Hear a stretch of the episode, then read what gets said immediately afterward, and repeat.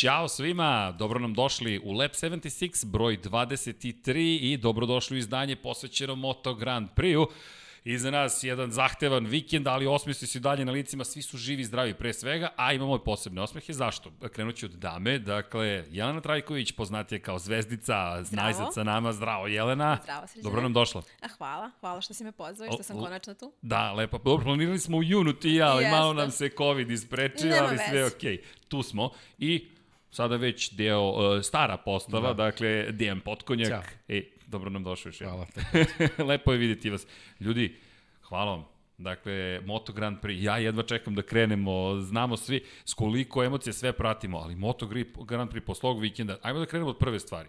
Živi su svi zdravi. Ja ne pamtim onakav incident, moram da krenemo od incidenta. Ko nije pogledao trku za veliku nagradu Austrije Moto Grand Prix ove sezone, u Moto dvojkama i u Moto Grand Prix-u, odmah da vam kažemo, svi su okej, okay, ali ono nije izgledalo, ni, ništa tamo nije bilo okej. Okay. Koji su vaši lični utisci? Jelena, ajde krenemo od tebe. E, mene je iznenadilo kako si ti normalno reagovao za to, zato što ja sam gledala i vrištila sam na sve strane. I prvo što mi je, prva pomisla mi je bila da vidim gde su svi i kako se ponašaju. Iz prostog razloga zato što samo nekoliko sati ranije smo imali jedan takođe strašan incident uh, u Moto2 kategoriji. Nismo znali šta se dešava, iako su oni sve vreme puštali snimak šta Pa, se desilo. Nažalost. Ali da, na kraju mi je bilo normalno to što po, mislim, nekako nam je poslednjih godina postalo normalno to da se tako nešto desi, a da 20 minuta, pola sata kasnije mi gledamo nastavak trke.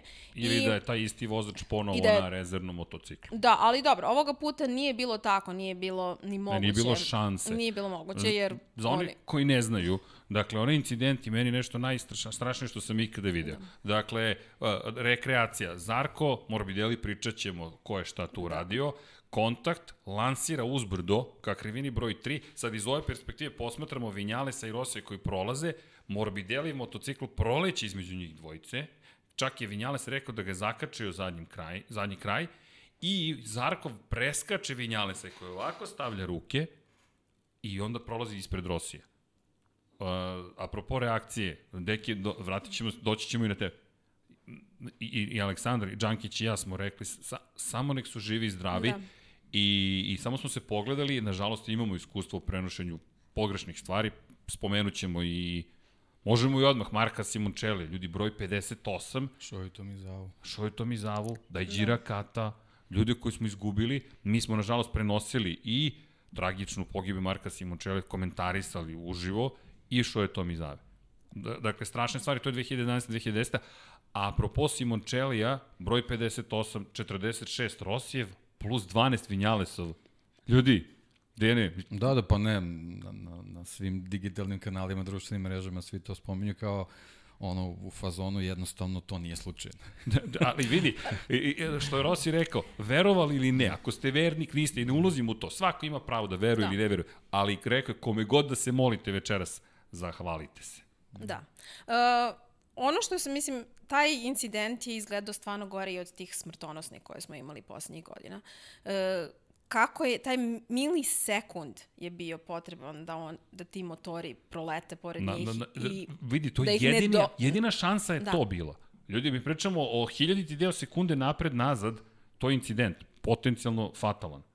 I bilo je stra... iz te perspektive odmah smo bili svesni da su svi živi i zdravi, ali e, jezivo je bilo. I dalje meni nije bilo dobro. Ja sam stajao pola sata na ćošku, izašao sam sa sport kluba i stao na, na raskrsnicu i stajao pola sata. Bukvalno sam stajao pola sata i nisam ništa pričao. Nisam hteo da se javim na telefon, nekim prijateljima sam se rekao, koji su mi zvali, molim se, nemojte sada, ja moram da ćutim. Jer to je previše. Još Hafiz Šarin, koji se spušta ka motoru Enea Bastianina i ne vidi, u posljednjem trenutku se sklanja se Jake Dixon, koji naleće, odseca praktično prednji točak svoj i prednji točak na, na, na, na motoru Bastianini. Ono je tek bilo strašno. Ne, mislim, moj utisak je vezan za oba incidenta, ta milisekunda gde smo svi iščekivali šta će da se desi posle, posle udesa jednog i drugog. I, i to, to iščekivanje meni ono, stras, strašno yes. utisak bio.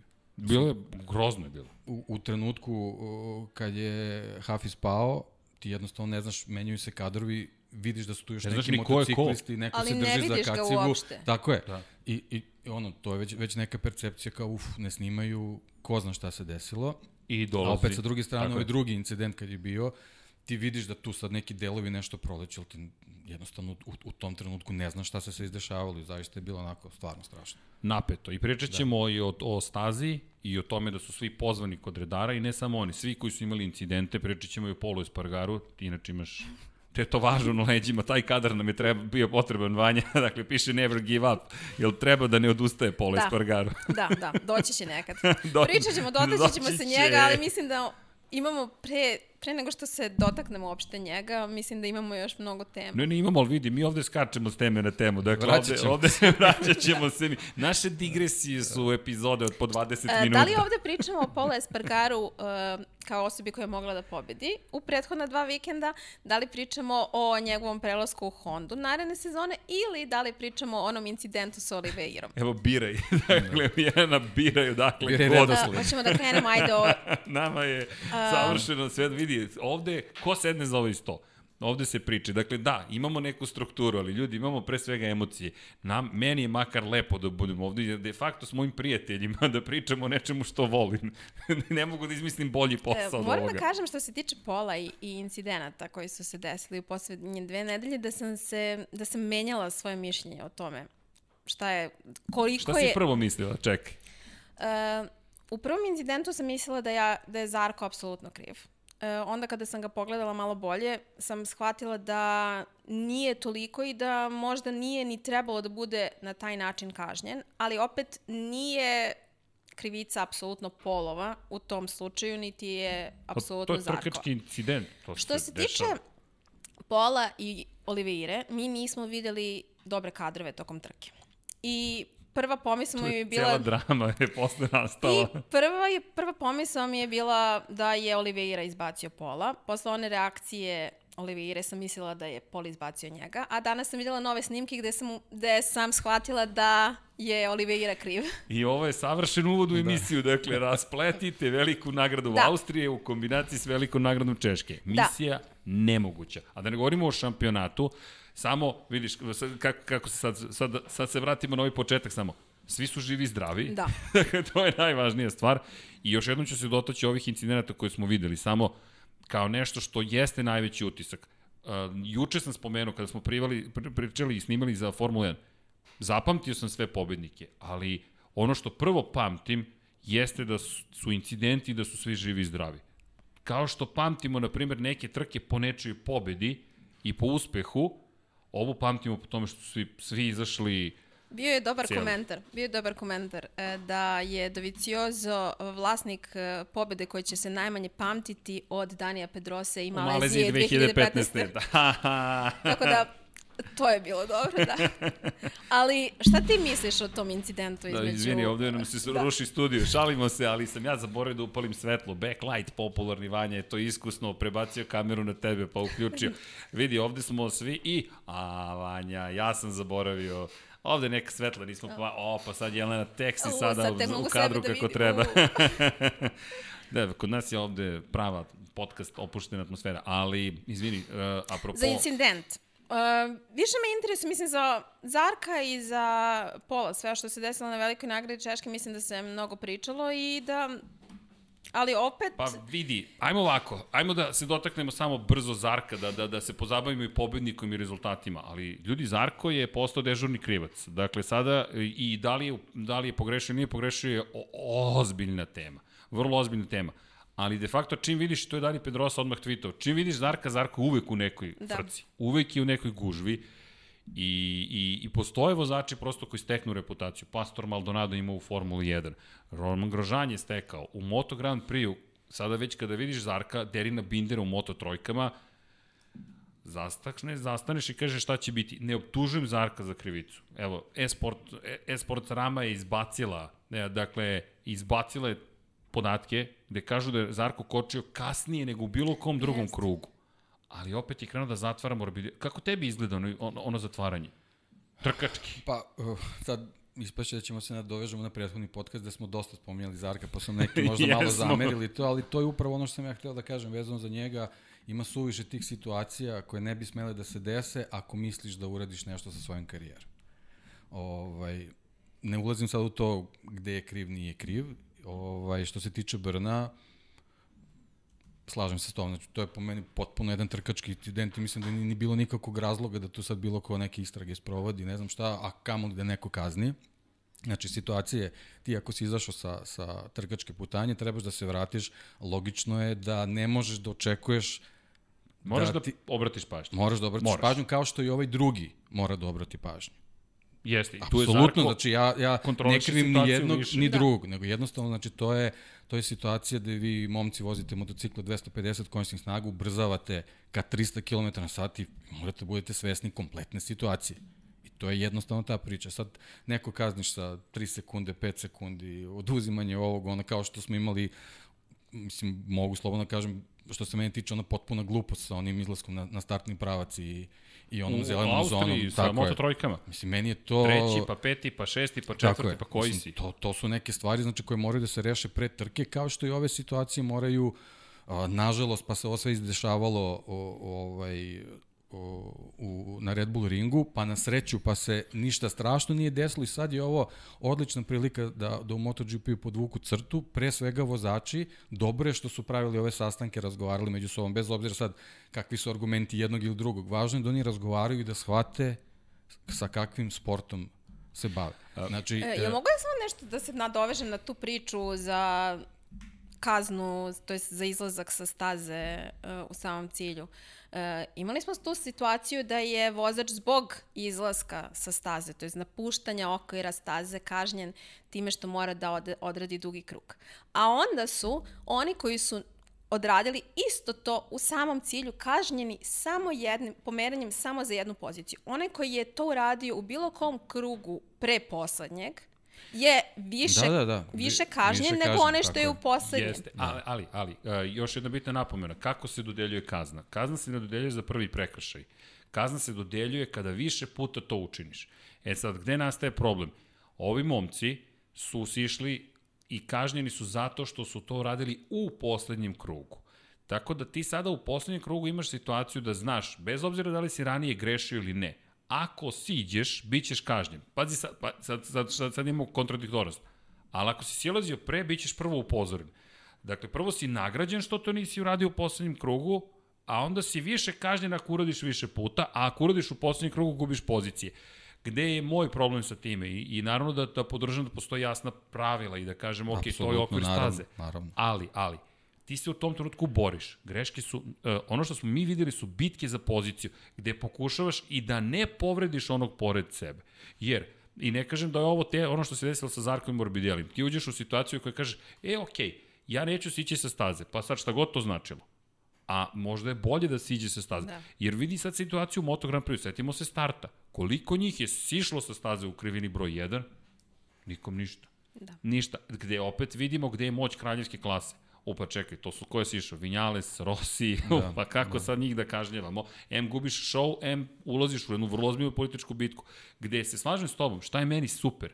A to je da zapravo sedne Dorna, Motociklička međunarodna federacija sa svima i da popriča. Za one koji ne znaju, imali smo, dakle, more incidenata, problem sa Olivirom, ušli smo u priču o, o, o, i o Poles programu Olivirika, o njihovom incidentu je i unutrašnje prirode, pošto je Olivira posle rekao da je, ne rode se svi sa podjednakim nivom inteligencije. Gde je čovek direktno spominjao Espargarovu inteligenciju, dakle, rušio je svoju garažu kada se vratio, besan je bio, a on deluje kao da je taj koji je podjednako pogrešio koliko je Espargaro. Espargaro je prošli put okrivio Zarka, sad je rekao, ok, nismo se videli ni Miguel ni ja, idemo dalje. Olivira nije bio toliko milosrdan. Naprotiv. Ali kod takvih incidenata, mislim, najpametnije je što može da se uradi da se spusti lopta i da se malo To to. racionalno gleda. Iz prostog razloga, evo, mi nismo sad, njima se to desilo, to je jedna sekunda. Znači, greška koja je napravljena i jedan i drugi su pogrešili u toj krivini. To se vidi na snimku. Ali Pol je taj koji je više puta, imao je čudnu putanju u toj krivini Od od svaki prve- put. Da, u drugoj svaki trci put. svaki put je išao široko. Išao je široko. Ali, i Oliveira je video da Mir može, to je skreće da, Da, ga to je napadne. jutrošnja analiza, Da. to je baš bilo dobro. I jest. da Mir kreće, Mir napada Espargara i pre, pre, Uh, pretiče ga. Otvaramo ozbiljno, pazi sad. Te, Ali onda sada Oliveira je taj koji pokušava isto, ali greši. e, da, I da, izbacuje jednog i drugog. to je inače naš kolega, dakle, frontend4.com. Simon Hargreaves je to uradio. Zapratite ga na Twitteru, Simon Da. H. Bikes se zove. I šta je uradio? Uzeo, analizirao je kompletnu trku broj 2. Imamo dve trke. Dakle, posle incidenta Vinjal, to jest inci- incidenta u kojem nisu ni Vinjale Rossi, ali su oni grozno će da zvuči, zvezde tog incidenta, jer motori lete pored njih dvojice Kao Transformersi su izgleda. zastrašujući. I dalje meni, i dalje mi je ta scena, pri čemu se Morbidelli dezintegriše pošto je proleteo pored Rosija. Rossi koji izjavio, ja nisam ni video motocikl. A stravične su fotografije kako curi gorivo iz uništenog rezervoara. Deki, šta treba da uradi da bi uništio rezervoar na MotoGP motoru? Ne, on, mislim, ono je bio strašan udarac pre svega Zarkova motocikla, ono, ono jednostavno, mislim, na, na, na tom motociklu, to jest delovima koji su leteli oko Rosija i Vinjalesa, ovaj se vidi u stvari koja je silina tog udarca bila. Ono je strašno. Znači, ono je stvarno bilo strašno i, i, i, i, to je bio taj trenutak gde su se vjerojatno i ti motociklisti malo zamislili i To je nadam 300 se... km na čas. Da, da, da. Na, na, na toj tački kočenja, da, to je to. To, ti, ti približavaš jednu od najbržih tačaka. Druga najbrža je kod krivine broj 4. Izvini, prekinuo sam te. I nadaš se...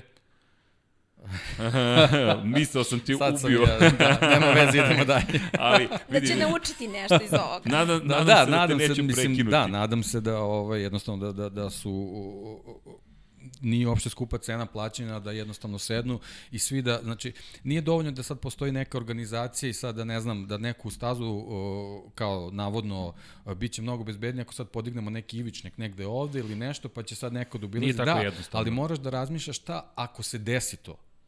Šta ako se desi?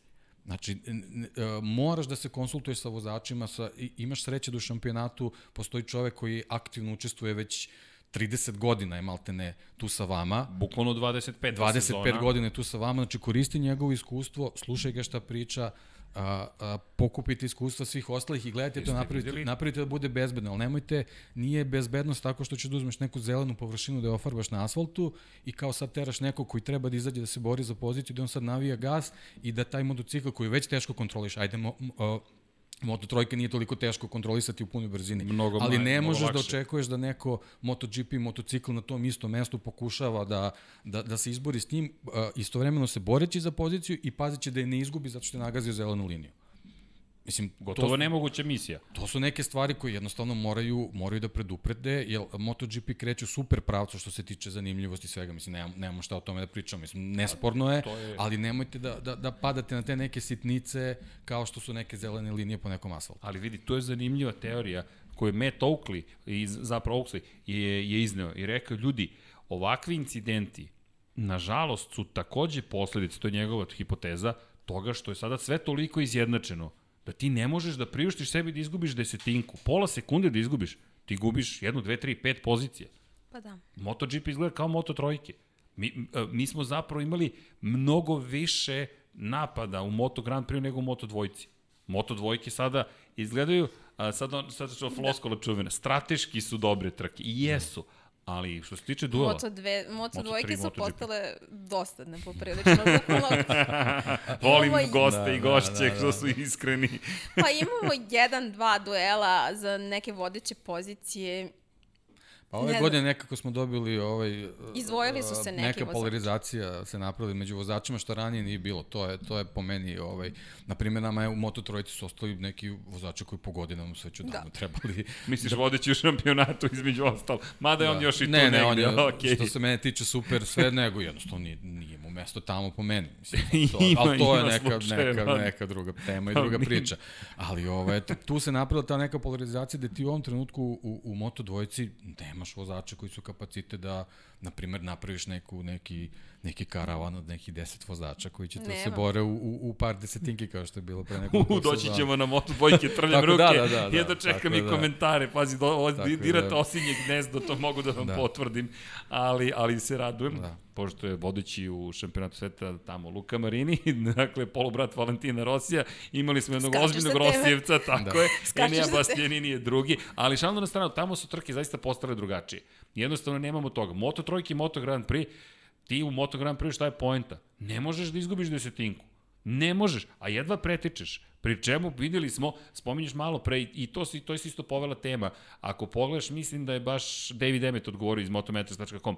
Ako pogledaš putanju Mira u toj četvrtoj krivini, Mir ide usko, to je Suzuki. U Suz... Da, to je Suzuki. Suzuki može, ali KTM ne može On baš tako. skreće, tako je, Suzuki koji skreće, pa i kako je Alex Rins napadao, ti tačno znaš, stigli smo, Suzuki došao, ok, ovde su te dve krivine u levo, onu broj 2 ni Ali ako je Pol u, sva, u svakom krugu Jeste. ulazio na taj način, to mu je očigledno odgovaralo u tom Vidi, s tom u tom mekom delu- gumom i to, to ćemo se dotaći, ali samo. Da. ajde, skačemo, ali on je na mekim gumama. Zašto? Zato što nije imao više Da. srednje tvrdih guma na raspolaganju tvrdih.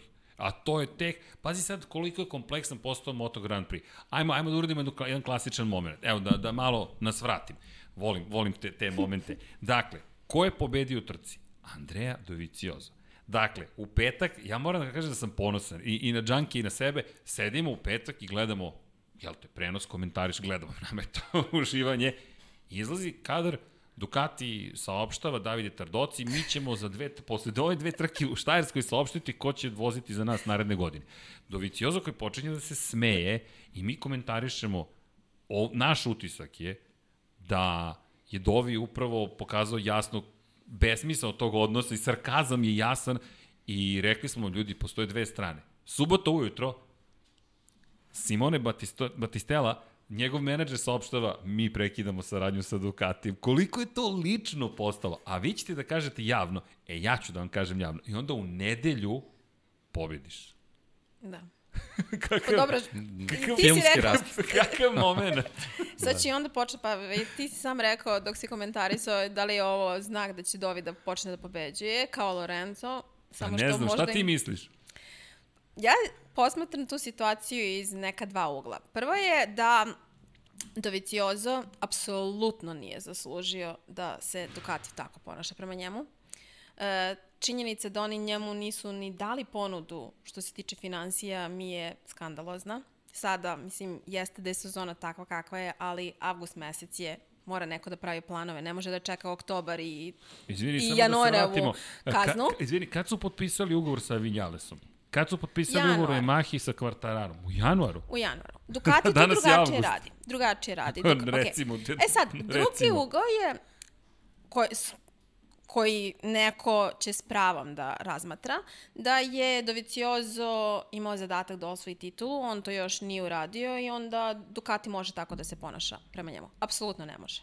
Znači, to je onaj neki drugi ugao koji neko može. Ne može tako da se ponaša iz prostog razloga, zato što Doviciozo se ne bori za titulu sa vozačima Moto3 kategorije, bori se sa Markom Markezom.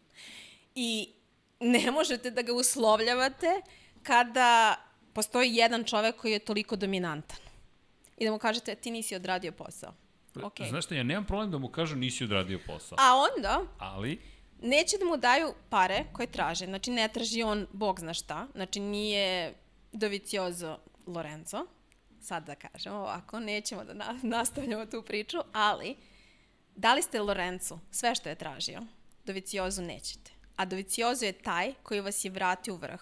Koji je od 2013. tu, koji je jedan od najzaslužnijih što je, za, zaslužnijih u tom timu što je Ducati sad takav kakav je. E, to je moj problem.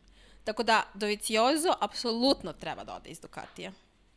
Ali zato ti, što nije zadovoljan. ali tvoja postavka je da zapravo on treba da ode zato što on treba da ode, ne Da. zato što ga Ducatiša. Da. U, to je sad meni zanimljivo. Ali vidi, ja ne bih, ja nemam problem sa time Nema da kažu... emocije, mislim, uh, emocije su donekle razumne. Donekle mora, možeš da se vodiš time da si Emocije odan su- uh, Ducatiju, pa ajde, ostvarili smo ovo ono. Ali u nekom trenutku je on shvatio da oni njega ne poštuju dovoljno i treba da ode. A, znaš kako?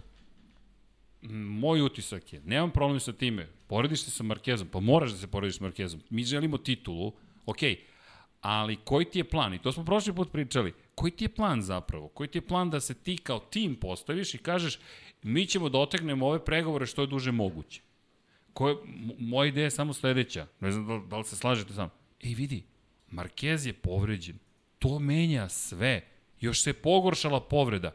Pet trka ga neće biti. Je, je, samo bih uradio sledeće. Dovi, evo ga ugovor, ako osvojiš titulu, Da. sve što tražiš u ovom životu ide tebi.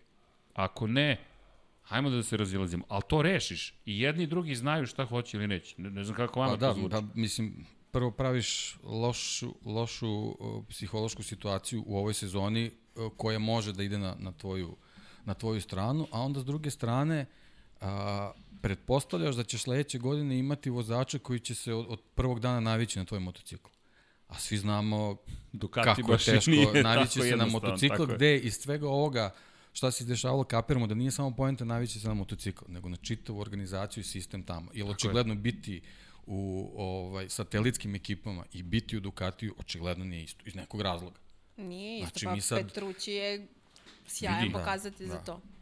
Organizaciono, Pri tom, izvini, samo, samo da ne zaboravim se na doženu onu jecinu priču vezanu za, za Dovicioza, sad ne, ne da ga branimo ili veličamo i ne A znam ne šta, nego branim ja jednostavno... njega, nego- Ne samo to, nego znači bilo je situacija na kojoj on apsolutno nije mogu da učeće, znači bili su spletovi neverovatno nesrećnih okolnosti, da. zbog čega on nije bio do nekih samih krajeva konkurent za neke ranije titule. Znači Jasno. čovek je neverovatno baksuzan bio. I to su neke stvari koje su trebale da se stave na, na neke tasove, neke vage i da kažeš to što ona rekla, da, apsolutno, dajte, i što si ti rekao, dajte u ovoj situaciji, daj da, da se zbijemo i da probamo da ove godine Tako uzmemo je. tu Da, titulu. ali ko je, ali hajde da pričamo i o opcijama ko će da bude taj drugi vozač upravo Ducatija. to, upravo to, znači Ako- teško je naći opciju. Ali teško Ne je naći možeš da me opciju. ubediš da su Zarko, uh, Banjaja ili ko se pominje još... Uh, A, kao što se vidi koliko je njima pao, pao teret teret uh, sleđa kad je. Zarko pobedio na prošloj trci, gdje su rekli, uf, kako smo super u pravu. Jel tako? okej, Tako se sad desi da pobedi neko drugi koga si otpisao i kažeš, pa čekaj sad. Da, a opet Pa čekaj sad. Zarko... Vidi, vidi, e, ne, na prošla trka. Zarko uzima pol poziciju, Brad Binder koji pobeđuje na Izvinjavam se, KTM-u. da, ne, ne, pol ne, poziciju. Na to sam mislio Ali- kakva je sreća bila na pol poziciji. Na pol poziciju. I to ko? Za, za jednu malu Da. ekipu. Jer ne zaboravimo, Rubin Znaus je pričao, ljudi, mi nećemo preživjeti ovu sezonu. Mi nećemo preživjeti sezonu. To je, na, to je u martu otprilike rekao. Rekao je, ljudi, mi nemamo para. Sve se raspada, stvari propadaju. COVID-19 uništava ekonomiju od koje mi zavisimo. I ti sada dolaziš u situaciju... Rabat nema ovoliki novčanik. e da, eto, Esteve Tito Rabat, njegov otac a, da. zaista finansijski Da. da. ozbiljno podržava njegovu karijeru. To je jedna od najbogatijih porodica, oni su juveliri inače, zlatari, ljudi koji imaju neverovatne zaista prodavnice zlatarske. Da, po to celoj je Španiji. Po celoj Španiji. I kada vidite rabat, to je taj rabat. To je taj rabat. to je taj taj, rabat. da, da. Ali vidi, nije loše za reklamu ako gledaš motociklisti, svi znaju za Pa rabata. mnogo bolje bi reklama bilo recimo da ode neke superbajke da ceo motocikl Tako je. je. rabate, na primjer. I mislim da bi možda, Možda tamo... misli Avintija, ona ima zlatan Već sam ono, čitavog vikenda sam razmišljao kako je bilo repo da momak shvati da bi možda mogao da, da proba malo i vidi. nešto drugo. Da. Ja mislim da, i Ducati, vidi, šta je meni zanimljivo? Karla Abrahama su otpustili. Abrahamovi su stajali, AB Cardion je stajao je. kao kompanija iza njega godinama. Sve poštujemo. Zabeleženu pobedu u Moto2 klasi. Rabat je svoju titulu u Moto2 klasi. Nije to mala stvar. Ali, kraljevska klasa se s razlogom tako zove. Dakle, to je, koliko god da ste brzi talentovani, uspeti u MotoGP-u, e, to je nešto posebno. To prvo mnogo košta. Iz- Rabat tu ima ostalog. veze koje sežu 20 godina sa ljudima iz Avintije Jest. i, razloz, i rezultati tu iz nižih kategorija i to je nešto što ga drži osim Ali, tih para, ali ali, takmičarski ne vidim šta on traži I onda više tu. dobiješ, izvini, dobiješ Zarka koji odjednom, hej čekaj, svi su Ducati grozni, realno po rezultatima, osim ovog što vozi prošlogodišnji motocikl i upravo je uzeo pol poziciju. Pa dobro, to što je prošlogodišnji motocikl, ja, ja bi to isto malo ovaj, tolika demistifikovao. I ranije je bilo. Sednu ljudi na Pa, motocikl iz neke svoje sezone, Tech3 onda kažu ovo je, ovo je bez veze, daj ti meni, pa Marquez je Marquez je prelazio. to uradio, pa i ove godine, izvini. Tako da ne, mislim da to, ta priča prošlogodišnji, to u... Vidi, ali, ali samo da se razumemo, da. nije najnovija verzija. Čisto Tako kada pričamo o hiljetinkama, desnikama, nije, ali to nije loš motocikl, da, da se I razumemo. Racing Point je prošlogodišnji Mercedes.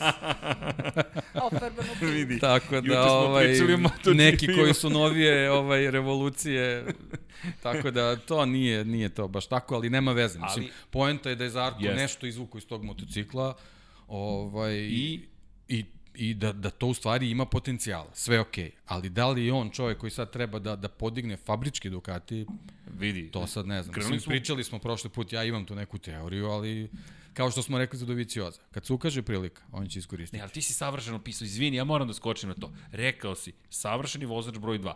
I bez ikakvog omalovažavanja. Šta to, po mom mišljenju, znači, ako te ja dobro razumem? Ovaj čovek će uvek osvojiti poene, uvek će biti tu, završit će posao, razvijat će motocikl. Možete da budete sigurni da će sponzori imati svoj deo dogovora, jer će biti u kadru Jasno. na pobedničkom postolju. Da li će imati ono nešto Da li će rizikovati? tako je merkurijalno gotovo, da, da, Da. tako blizu, zašto merkur, priđeš suncu, da budeš na nivou da goriš. Ko, koga smo videli da možda, to ima? Ali možda će, ćemo sad vidjeti drugačijeg Dovicioza. A da li zaista očekuješ da bude Da. drugačiji? Da, nema šta da izgubi. Nema mesta sledeće godine. Možda bude to Do kraja. aprilija. Možda to bude aprilija, možda... E, ja sad očekujem da će Dovicioza da im kaže, e, ja ću sad do kraja da se borim Šta ti i... misliš, Deki? Ne Čekaj, znam, čekaj, ovo mi je ja- zanimljivo. Ovaj, ne, ne Mislim- znam, on mi, on mi ne deluje kao osoba koja, koja tako ovaj, Ali- funkcioniše. E, kompletan ovaj nastup vezan za ovu priču, da li ostaje ili ide, potpis, ne potpis, on je njegov osmeh. Ne deluje mi, znaš, on nije čovjek koji je lupo svoje garaže kad, kad ga je Janone da. oborio, kad, Znaš, on jednostavno, kad je, kad je padao u Silverstonu, ničim izazvano čovjek za malo da, da, da mislim, ono, ozbiljna, ozbiljna povreda mogla da Jeste. bude i tako dalje i tako dalje. On je uvek pokazivao neku staloženost, neku smirenost i to ti je a, možda i rezultat ove pobede sad u nedelju. On je možda u celoj ovoj suludoj situaciji koja je bila jednostavno iskulirao i skapirao šta treba da se uradi da kako je on lagano Možda- napredovao kroz grid i kako je došao do pobede. Ja sam u subotu se uključila na, njegovu, na njegov briefing, e, to jest posle kvalifikacije kada je bio četvrti i svi su ga pitali za to što neće ostati u Ducatiju. I on je izbegavao sve vreme odgovor na to i nastavio da, odgo da e, odbija da priča o tome. Rekao je da nije vreme, vreme je za, ti, da, za borbu za titulu, vreme je za e, ono što ga čeka u Austriji i na osnovu toga kako se on ponašao tog dana ja sam stekla taj utisak. Da on je razmišljao dugo o tome da donese tu odluku, da to nije ništa, Sigurno, sigurno. nije. ništa preko noći Sigurno ne. ali da je jednostavno svestan da je ovo možda njegova poslednja prilika za tako nešto. Iz prostog razloga zato što nema slobodnih mesta. Mislim, to jedno jedino slobodno mesto je u aprili. Ja stvarno ne vidim zašto bi neko zadržao Andreu Janona ovaj, u timu kada se drugi vozači nude, između ostalih i Posebno, ne, i samo posebno Kračlov. što si imao, imao kon, konkretno poređenje ta dva vozača na identičnom motociklu. Da, a opet... E, ali, ali To vidi sad ovo. E, Izvini, znaš šta mi pada na pamet? Kada bi dobio Janonea i Dovicioza u jednom, To mislim, to bi, e, to bi bila bio, druga... ja mislim da bi to bilo šampionski, ne u jednom misliš timu. Mark Marquez. Mark Marquez, tako je. Jedina dva čoveka koja ja znam Da. koji su bili toliko i spremni i voljni, Da. Marquez i Rossi. Zašto spomenjem stalno Valentina Rossi i Marka Markeza? Jer ti kada pogledaš, veština je neosporna kod svih, ali taj jedan moment lucidnosti, pa i ludila, da kažeš, Da. e, sad ću još, to nismo viđali. Da, ali da se vratim samo sekund za Janona. Uh, ja iskreno mislim da će njega kazniti još više nego što, nego Pa što to je, je sad bilo i do sada. politički već. Opet uh, ne razumem Apriliju koja se drži njega. On jednostavno trenutno je suspendovan, njemu ugovor ističe na kraju godine. Čekaj. A, aj sad postoji stvari ovako. Ja da sam šef ekipe, izabrao sam nekoga, stao sam iza nekoga, ko zna šta sam pričao njemu, ko zna sponsorima. Meni se to više dopada nego da sada i, i napravit ću Apsolutno, paralelu, ali... ali- samo, samo da daš, napravit ću paralelu sa Ferrarijem, koji ima četvorostrukog svetskog šampiona i koji se ponaša čudno, ajmo da budem vrlo blag, čudno prema njemu. Dakle, menjamo ti strategiju sred trke, to smo juče analizirali, pa te onda molimo da, da voziš, a nismo ti odgovarali na poruke iz kruga u krug. I jedna Aprilija koja je mnogo manja, mnogo manja, ali opet evo ti veza. Massimo Rivole stigao iz Ferrarija, vodio je Ferrari u trkačku akademiju. Moj utisak je da Aprilia želi da kaže ko dođe kod nas, u ovoj novoj konstelaciji stvari neće proći kao Sam Lowe's ili kao Scott Redding. Jer uzmi u obzir, Apriliju okej. prati vrlo ozbiljna reputacija da surovo otpušta svoje vozače. Mnogo brzo. Setimo se, Lowe's, sezona, čao. Uh, Scott Redding, sezona, čao. Scott Redding koji sad vodi u svetskom šampionatu Superbajku, pa nešto mi govori da nije loš vozač. Da. ali da bi izvukao maksimum iz vozača, mora cela struktura tima da bude funkcionalna. Mislim da Rivola radi na tome i da želi da kaže, ej vidi, vidi šta god da se desilo, mi smo uz tebe, Aprilija je taj tim u koji treba da želiš da dođeš. Mo, to je moj utisak samo sa strane. Ali opet, e, moj utisak je da nema šanse da mu smanje kaznu. Nema šanse, gotovo Samim sigurno. tim, on propušta i početak naredne sezone. Gotovo sigurno. Ali, ali opet gubiš ali, jednog vozača i za testiranja. Ne, ne gubiš i... još, ne gubiš još, pojenta je upravo u tome. Ti ako sada žrtvuješ svog čoveka, ti žrtvuješ čoveka. Ne, okej okay je meni Razumeš? da ti čekaš do oktobra da vidiš šta će da se desi. Tako je, ali ja ali mislim, vidi. treba tada da sagledaš a, sve ček, opcije to su i da, razgovori tipa da. nismo i da, pregovarali. Janone, I da Janone ne može Ljudi, da svo ima troje prednost. znamo kako izgleda padok. Pa kao, seo sam na kafu s nekim da porazgovaram, pa, pa čekaj, s kim ideš u Ferrari? Dobro, tu možda Feta? ima, ima neki moment, ne znamo mi sad ni sve detalje Tako ugovora, može, može i tu sve da se desi, ali interesantno je ovo što, sve što smo pričali, znači pričamo Ducatiju, Ferrariju i Apriliji. Da, ja to su sve upravo- italijanske, italijanske firme, taj management verovatno ima, ima nek, neke svoje filozofije koje prikupljuju na, To su ist, na, na istim mestima pričam, ali, ali valjda su i oni sad shvatili. Znači jednostavno ti moraš dobro da se organizuješ da, da, da bi Tako cela, je. znači suština je u organizaciji i onda neće biti problem, ali mi jednostavno ne znamo kako to sad sve funkcioniše, ali jednostavno deluje kao da, kao da funkcioniše na isti način. Mislim, Ferrari deluje kao razbijena vojska da. potpuno. Raspad potpuno, sistema, potpuno. realno. Pa ja sam I onda ne- kad, kad uzmeš kao koje su godine bile strava, kad su bili superiorni, imao si Žana Toda i posle imao Rosso Brona. Da. Znači, E, n- ne, ne, nema ni traga od Italijana na vrhu Upravo tog, to. gled- E, to, da te- kažem, te piramide. Tako je. e, razgovarala sam pre nekoliko godina sa Dragom Kotorom, koja je sada u Leopardu i čovek jednostavno je jedan od najzaslužnijih za Bio direktor logistike Ferrarija Da. u to vreme. E, razgovarala sam sa njim, mislim da je to bila 2011. godina, kada je on još bio u Formuli 1 u Lotusu i Caterhamu. Pitala sam ga e, šta je glavni uzrok problema Ferrarija. On je rekao pa zato što biraju Italijane. Zato što svaki put ne traže najbolje ljude koji bi mogli da obave neki posao, nego se uvek koncentrišu da ta osoba mora da bude italijan. Tada je Stefano Domenicali bio uh, šef ekipe Jest. Ferrarija i znamo kako su i njega pustili niz vodu. Ja sam ti To u je baš subotu... Pavle Da, juče spominjao da je Domenicali jedno od žrtvenih jaganjaca da. koje su usput, koji, koji uopšte nije loše radio svoj posao. Da. E, tebi sam u subotu potpi- poslala poruku da se meni ovo sa Doviciozom mnogo mi liči na ono sa Vettelom kako se Ferrari poneo ove godine i ne znam, mislim da njima nema pomoći upravo to što ti kažeš dok ne dođe neko ko nije Pa očigledno, Italijan. da, mislim, mislim, meni je žao, naravno, što je tako, pre svega Ducati je jedna, jedna ozbiljna kompanija koja mora tu da bude, da bi držala neku, pravila neku ravnotežu sa japanskim firmama, ajde, evo sad super, pojavljuje se KTM, pa sad možemo baš da imamo mnogo zanimljivu priču i onda se pojavi taj neki trenutak, napraviš tu neku atmosferu koja koliko bi drugačije bila se to nije desilo da, a da je Dovi pobedio, kao, kao što i a- a- pobedio. Ali pogledaj, e, ali meni je zato ovo mnogo, za, zato mi je bitan taj moment Rivole u Apriliji. Rivola koji nije dobio šansu u Ferrariju da upravlja ljudima. On je upravljao Ferrarijevom akademijom. Rivola je vodio Minardi, to je Toro Rosso, kada je Sebastian Vettel, bukvalno je bio šef ekipe, kada je Sebastian Vettel slavio u Monci 2008.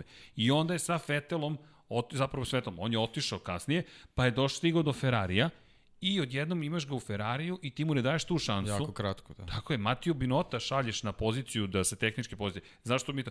Rivola sad stiže u Apriliju i odjednom Aprilija koja počinje da se diže i diže i ti vidiš organizacijonu strukturu koja je mnogo bolja, zdravija. To je taj moment koji to- obećava. To je to, i ne je odustaješ da. od svog vozača. Da li je Janone kriv ili ne? Ajde, to je politika, to je tek tema za sebe.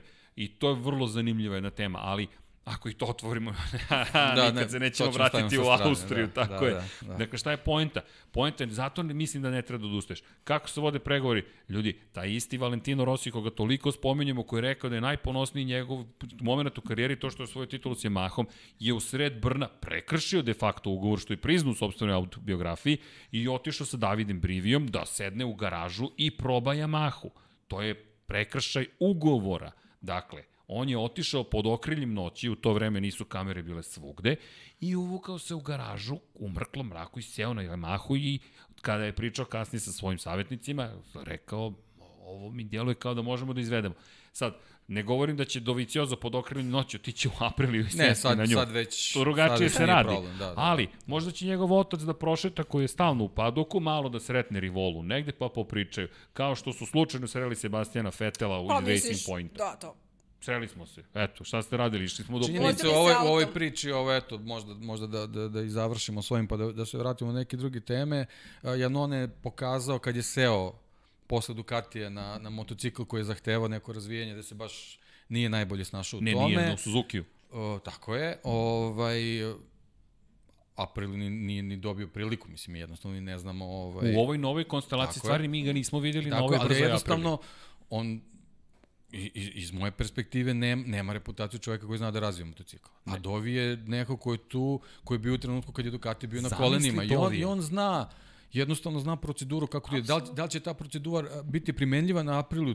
Ali ja to Mislim, kažem... mi sad pričamo aprila da, kao, da, kao da je sigurno. Ali recimo, ajde, pretpostavka je da je to to mesto. Deluje. Znači, ja bih baš voleo da vidim, bez obzira To, kakvi to, će to, to, rezultati biti, baš bih voleo da vidim Dovicioza kao čoveka koji razvija neki motocikl. Da, pa mislim da Aprili fali neko. Mislim, Aleš Espargaro Vidi, ima ograničenja. drag je, ali Aleš Espargaro važi za čoveka koji od jutra do sutra. Dakle, kako to funkcioniše? Dođe u subotu i kaže ovo ne valja. Onda diametralno suprotno kaže ovo ne valja. Da. I njega je nemoguće uhvatiti zapravo. Koliko god da je dobar u pojedinačnim krugovima, vrlo je nestalan. Jednostavno je čovek gde, gde ti ne znaš zapravo na kraju šta rešavaš.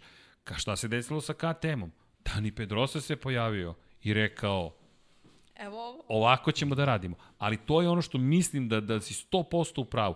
Jer Doviciozo je ta generacija. On se borio protiv Jorgea Lorenza i Casey Stonera u 125 kubika i pobedio ih. Pobedio je. Da, ljudi zaboravljaju u stvari njegovu Koga? biografiju, znači Tako on je. uopšte nije čovek da kaže da je neki mači i kašlje, znači Ne. on je samo imao nesreću u, u, u, u, u prethodnih nekoliko godina š- što su se dešavale te, te situacije glupe koje su se dešavale i što za rivala ima Marka Markeza. koji je nemoguć. Mislim, a, reli vozačima, Peteru Solbergu, ne znam kome je propala karijera, zašto se borili protiv Sebastina Loeba. Ko zna šta bi Ko zna mogli da koliko bi titula bilo da, da, da se taj čovjek nije pojavio, a posle njega još veće nesreće pojaviti se još žije. Ožije pride I da, da onda sve bude... Da, Jadni da, Miko, da. Miko Hirvonen, mislim, Da. koji ono čovjek ništa nije osvojio od kad su se oni pojavili, a pa treba da ima punu vitrinu šampionskih trofeja. A bilo je nemoguće. A to ti, to ti je ovo, znači Do- Dovi ima eto samo tu situaciju što je Valentino Rossi odlučio da malo produži svoju karijeru, a onda ti se na to nadoveže i Mark Marquez, znači to apsolutno nije njegova krivica što se to tako pa, dešavalo, on se vrlo trkao sa njima. I šta se još Ali- dogodilo? Razli, izvini, različiti razvoj karijera. On je, on, Jorge Lorenzo je njega pobeđivo 250 kubika. I to je bio duel zapravo Lorenzo Doviciozo, Aprilia Honda. Honda je već odustajala od srednje klase, nije od Honda odustao Doviciozo. I Dovi je ostao veran toj Hondi. Na kraju Hiroshi Yama 2009. s tom Hondom je osvojio titulu, to je tek bilo nemoguće, ali je imao za rivala Lorenzo 250 kubika. I to su bili psihofizički dueli. Šta je Lorenzo radio? Stalno je suštinski vršio psihološki pritisak nad Dovim. Da ne bi li ga slomio, išao je na tu kartu da je Doviciozo potpuno drugi tip i uspeo u tome. Kasnije, zašto je bilo čudno kad su postali klubski kolege u, u, Ducatiju? Pa, teško možeš da očekuješ ljubav od čoveka koga si de facto maltretirao u 250 kubika i o tome ni, možda nismo čak ni dovoljno pričali, ali Doviciozo onda dobio priliku u Scott Hondi, bio četvrti u prvoj trci u Moto Grand Prix i onda otišao u Repsol Hondu. E, tu su nastali problemi, gde Doviciozo tu još nije bio zreo za Moto Grand Prix vozača. Tu, I bio je neki treći vozač i Tako to je, je. sad već znamo, mislim, to je, to je, to je ekipa. ipak, da, da, to je ipak, ipak previše za, za kapacitet na Moto Grand Prix ekipe da može tri Tako dobra motocikla da gura. I šta je još malo- uradio? Ušao je u sukob sa menadžmentom Honda, koja je rekla mi te više ne želimo i Doviciozo je natero Hondu da ispoštuje ugovor i ostaje u garaži i sedi u garaži sa Stonerom i Pedrosom. Sad njegovi stari rivali, čak s Pedrosom on i nije bio u toj generaciji, Pedroso je stalno išao korak ispred, sediš u garaži i ti si sa strane. I onda dobijaš priliku u Tech 3 Yamahi da oživiš svoju karijeru, pokažeš koliko si brz i onda odeš u Ducati. I pomogneš Ducati i Ducati prođeš istu sudbinu, gde, gde on treba da se zapita, gde i ja grešim u postavci stvari interno, da svaki put prođem isto, jer nije samo do Ducatija i do Dovicioza u tim pregovorima, ali možda eto u Aprili, ja bih volio da ga vidim. Ja bih volio Ja. da ga vidim, znači, uh, kako bih rekao, ovo delo je kao, kao ne, neki ružan kraj i neka ta tragedija, ovaj, kao da se raziđu Ducati i Dovi, ali ja mislim da će možda za njegovu karijeru da bude super da on pronađe sebi Pa, neki novi izazov. Možda će taj izazov neće zvati prilika da se borim za titulu, ali Pa, ni Dani Pedroza na, ni Dani Pedrosa na kraju sad. krajeva nije ovaj Ali čekaj sad, izvini, nije, Deki je nije uspeo da da nas osvoji, vrati. ali, ali ga je Srđan zvao vanzemaljcem, tako da, to ali je Deki je to je pokušao, izvini, da nas vrati u Da. Austriju. Evo da nas Da. vratimo u Austriju. Hoće li Ducati, to je Doviciozo, da zabeleži još jednu pobedu, I ako je zabeleži, pošto sada zostaje samo 11 pojena za Fabijom Kvartararom, da preuzme vodeću poziciju u šampionatu. Kao prvo, meni je, uh, mislim da je super stvar što se ova trka dešava jako brzo posle ove, ove Da. jako Ja, nesrećne. ja mislim da će biti žestoko. A, jedino mi se ne sviđa što su te neke najave ovaj, za, za to neko loše vreme. To mi je onako baš dobro, onako bile bez veze. Jedino što vidim, vidim, da, je, vidim da je pomereno, juče su bile prognoze da u petak već kiša, munje gromovi, međutim vidim da se danas to već pomera, pa se nadam da će to malo da, da se odloži i mislim da, da je zbog toga jako dobro, zbog ove situacije da, da se oni ponovo nađu na toj stazi. E sad, mislim da i to vreme dosta diktira kakve će performanse Ducatije biti. Tako da ovaj je dobar, nešto pazi po nešto kiši. ide, Pazi, nešto Dovi. ide Znam ja njemu na ruku. koji je Tako je. dobar po Znači- kiši, a vozi Ducati. Koga? Znači prvo Jack Miller. Znam da koga prvo mu je da, prvo mu ide na ruku ovaj što što Ducati odgovara to, a druga stvar što smo i prošli put pričali, pričali on je čovjek gospodar Red Bull ringa, mislim Ajmo definitivno da se vratimo na to. Tako A, da. tri pobede od svojih 15 u karijeri je ostvario na Red Bull ringu. Pri čemu 2016. Janone na Ducatiju, 2017. Doviciozo na Ducatiju, 2018. Lorenzo na Ducatiju, 2019. Doviciozo na Ducatiju, 2020. Doviciozo na Ducatiju, to je pet pobeda za redom i dolaziš sada šesti put i i izgledaš opasno, izgledaš stvarno opasno, a što je najgore od svega, da, slažem se s tom Jack Miller, koji, inače Miller, izvini, ali nemoguće je držati se jedne teme, o, ovo je stvarno MotoGP, je rekao umeđu vremenu, ja želim, nadam se ako ga svi lepo zamolimo, da Andrea Doviciozo može da ostane u Ducatiju, Da, da, i to je otići javno ja, rekao. otići ću ja da ga pitam, Da da ga pitam. kolega. Neverovatno. A onda je rekao, a ako to ne uspe, ja ću da pokrenem GoFundMe kampanju, da skupimo pare. A to je klasičan Dovija. Miller. A to je klasičan Jack Miller. Ali reci. On se našalio, pošto je bio na konferenciji za štampu posle kvalifikacija, rekao je, kad sam video šta se dešava, otišao, prvo što sam uradio, otišao sam kod Dovicioza u garaži i pitao ga, zašto ne želiš da mi budeš timski kolega? kako da. majstorski Sad krenuo. da. I onda su njega pitali e, kao da li postoji mogućnost šta misli da Dovicioza ipak ostane. On je rekao da se nada da da, ali kao ako njega pitaju ko bi zaslužio to mesto, onda je to odgovor njegov e, Peko Banjaja. I ja sam tu saglasna sa njim. Ali, iako, makoliko bih voljela da vidim Lorenza, pošto se Lorenzo, jel te, e, pominje kao čudesan povratak, ali vidjet ćemo još. A jel mislite da bi bio čudesan povratak Lorenca na Ducati? Ne. Ok.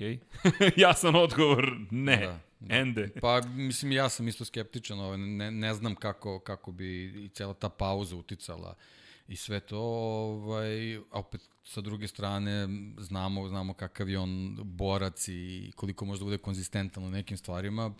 Ja bih njega Šta više znam, volila na Yamahi da vidim nego ne, na ne, Ducati. ne bih se usudio sad da, da mogu da, Znam. da ovaj, prognoziram Lorenca na Ducatiju ponovo. Stvarno, mislim, volao bih to da vidim, naravno, ali nisam, nisam uopšte siguran kako bi to moglo da funkcioniše. Ovaj, mislim, dobro, to su sad, milijardu ćemo mi još neki fantazije čuti, sve je to okej, Hoćemo. ovaj, ali ovaj, o, zaključak ove priče je da, ja bih volao da se desi da kao neko kaže, "E, pa šalili smo se, ovaj, nije bio 1. april, ali Da. Dovi ostaje kod nas. Mislim, naravno, to je, to je ono ravno nemogućem, ali ovaj, opet u svetlu ovog svega što se dešavalo na prvom Red Bull ringu sa, sa Zarkom i to, šta znam, možda, možda i, postoji neki mali promil toga, ali, ali jako teško. Vidi, ja pitam zato što sam, to je jedno pitanje koje sam ja dobio, pa sam rekao da, volao bih da ga vidim. Zašto? Pa evo, vraćam se opet na testove po, u predsezoni. 1,3 sekunde za ostatka na, na, na, na Sepangu, na, na Yamahi. A nije, nije on Prosto- zaboravio, ne, znači neće on zaboraviti da vozi. Ne, ne, ne, to je samo uklapanje s motorom. Da, da, ali opet dve godine on je vozio Hondu, vratio se na Yamahu, mislim. Jedini sam ovde koji misli Moj da bi broj mislim- 99 bio zanimljiv. Ne, na bio bi Yamahi. zanimljiv, naravno, ma ne, nije sporno, nego ja samo ne znam kako bi to funkcionisalo, jer Ducati ne može da priušti još pola neke sezone E, da se se on vozi kao 15. To se 16. slažem. Upravo to. To tako oni, je. oni jednostavno, U u, ovoj situaciji 100%. ni Posle slučajno dve to godine, ne smeju da priušte. Znači, nije, ne govorim ja ovo sad o dve godine pauze, govorim o dve godine van Ducatija. Znači, on je prošle godine vozio Hondu, ove godine vozi Yamahu, Povredio to je je kičmu testiran. dva. Pa, puta. to ne, Da. Ima, ima je dve, tri odustao. godine više nego što ima. Da. Tako je. To su sve neke stvari tri koje... kilograma. Tako je, tako je. Malo Mislim, da, više. lako će, lako će to da dotera. Malo to je, to je najmanji problem. Malo više, malo više. Pa ne znam, pratiš li ga na Instagramu? Pratim ga na Instagramu, vidim da ima sve bolje i bolje kola, ali nije baš preterano zainteresan Da. za povratak. Pa mislim da njega sad interesuje neke druge stvari. Ali dobro, ne možemo da ga ne spomenem, baš Da. Ne, ne, razloga. naravno, treba Pet ga titula spomenuti, šampiona da. sveta, tri u Moto Grand Prix-u i sad Ducatijem te tri pobede. Ali, budimo realni, sad sa Doviciovim odlaskom i odsustvom Francesca Banjaj, koji nije mogu da se go, povredi u go... Ne, postoji dobar trenutak da se povredite, ali ovo je baš najgori mogući. Zarko koji odjednom iskače, pojavljuje se Doviciozo ponovo, ali daje otkaz, ali ti sad koga dobijaš za, za, za fabrički za, za, za kolegu u fabričkom timu kod pored Jacka Millera koji je pisao ugovor. Mi, ne, mi dalje nemamo pojma. Što meni opet govori o problemima s kojima se suočava Ducati. Opet ne rešavate stvari, opet otežete, opet čekate, čekate, čekate. Tako su čekali s Vinjalesom, pa nisu dobili ugovor. Čekali su s Kvartararom, pa nisu dobili taj ugovor. Yamaha je bila brža i ti sad opet tražiš neko rešenje. Ali pazi, 11 poena zaostaje Doviciozo. Dakle, uz sve kritike koje sam ja, i e da, rekao sam, neko mi je rekao, što toliko po Doviciozo? I rekao sam i Ducati i Doviciozo. Ali ukoliko pobedi, hvalit ću Doviciozo. Evo Ducati još nisam spomenuo. Ali Doviciozo, zaista fenomenalno je. Fenomenalno izvezao trku koja je bila jako u specifičnoj i teškoj situaciji. Psihološki trebalo to Psihološki raditi. je trebalo uraditi kako treba. On, on je sve maksimalno odradio izvuko sve, sve najbolje iz svakog kruga. I I ostao na točkovima. Jer ako pogledate, jedna od lakših pobjeda. A, ako to, Ali da, jeste. u, u, u, na ovom mestu možda i njegova najlakša pobeda. Ako da, setimo pogledamo, se samo prošle godine koliko je pa, delilo pa njega i pre tri Markeza. godine. Da. Isto Ne, bitka. generalno on mora, mora mnogo da radi za svaku pobedu i mnogo je radio u nekim situacijama da mu je neko drugi prosipao sve. Ovo je bilo jednostavno je moj nekako utisak- kao ono, imam plan i taj plan se realizuje iz krivine u krivinu. Moj utisak je da je dobro Tako je. bilo to po njega što je on u trenutku kad se sve to dešavalo iza njega, to jest on je prošao, da je, što je on to sve što se desilo video tek Ali na zar ti ekranima. to nije tipično Doviciozovski? Upravo to što je Deki rekao. Sedim, čekam, kalkulišem, Da. brojim i u pravom momentu ću da krenem. Pa da. I to, I to je uradio. Isproveo delo kao to savršenu Ali strategiju. nije ni imao mor, potrebu da ima plan B sad za ovu ali trku. vidi, ali vidi, meni, meni je krivo, iako ga ne, nigde nema ovo smeđu osvačima pojena, Alex Rins. Alex Rins je imao pobedu u rukama. Ljudi, ono je Suzuki da, malo pobeda. je, malo je bio, klasičan- nestrpljiv je bio. Tako je. Mislim, vidio se po njegove reakciji, mislim, kad je ustao šljunka, sam Znao je. shvatio šta je upropastio ili je stvarno mogu da ima sve, sve u I svojim rukama. Doviciozo je rekao, ovo je bila Rinsova pobeda. Ali, da, da. ko je uzvratio udarac za Suzuki? Čovjek koga imam u fantaziju kao srebrnog Ja vozača. imam Rins. Da. Joan Mir, i Jelena, kako ti kažem, iskustvo, Mir, dakle dve pobede u Moto trojkama i kakva vože, prvo pobedničko postavlju u karijeri. Svaka mu čast. Kako ostao isto pribran, jer ne, ne uzmimo obzir, to je druga sezona u, u Moto Grand Prix-u i ti ostaneš pribran, a imao si težak početak sezone, pravio si greške, dve trke nisi završio, bio si peti, nisi iskoristio nekako taj herez na pravi način i evo te na pobedničkom Pa postavlju. dobro, ali, ali tu je bitno, mislim, u ovoj sezoni je bitno da budeš konstantan. A Jeste. očigledno da ovaj Suzuki njima to može da omogući, ne moraju toliko da rade tokom trke. Ne moraju granicu da prelaze. Čini se da je, da je Rins jednostavno mogo da reši situaciju, samo da je sačekao neku krivinu kasnije. Znači, taj Suzuki pokazuje potencijal da stvarno može protiv bilo koga da se bori. Znači, sad je samo na njima dvojici da shvate šta imaju ispod sebe i da, i da to iskoriste.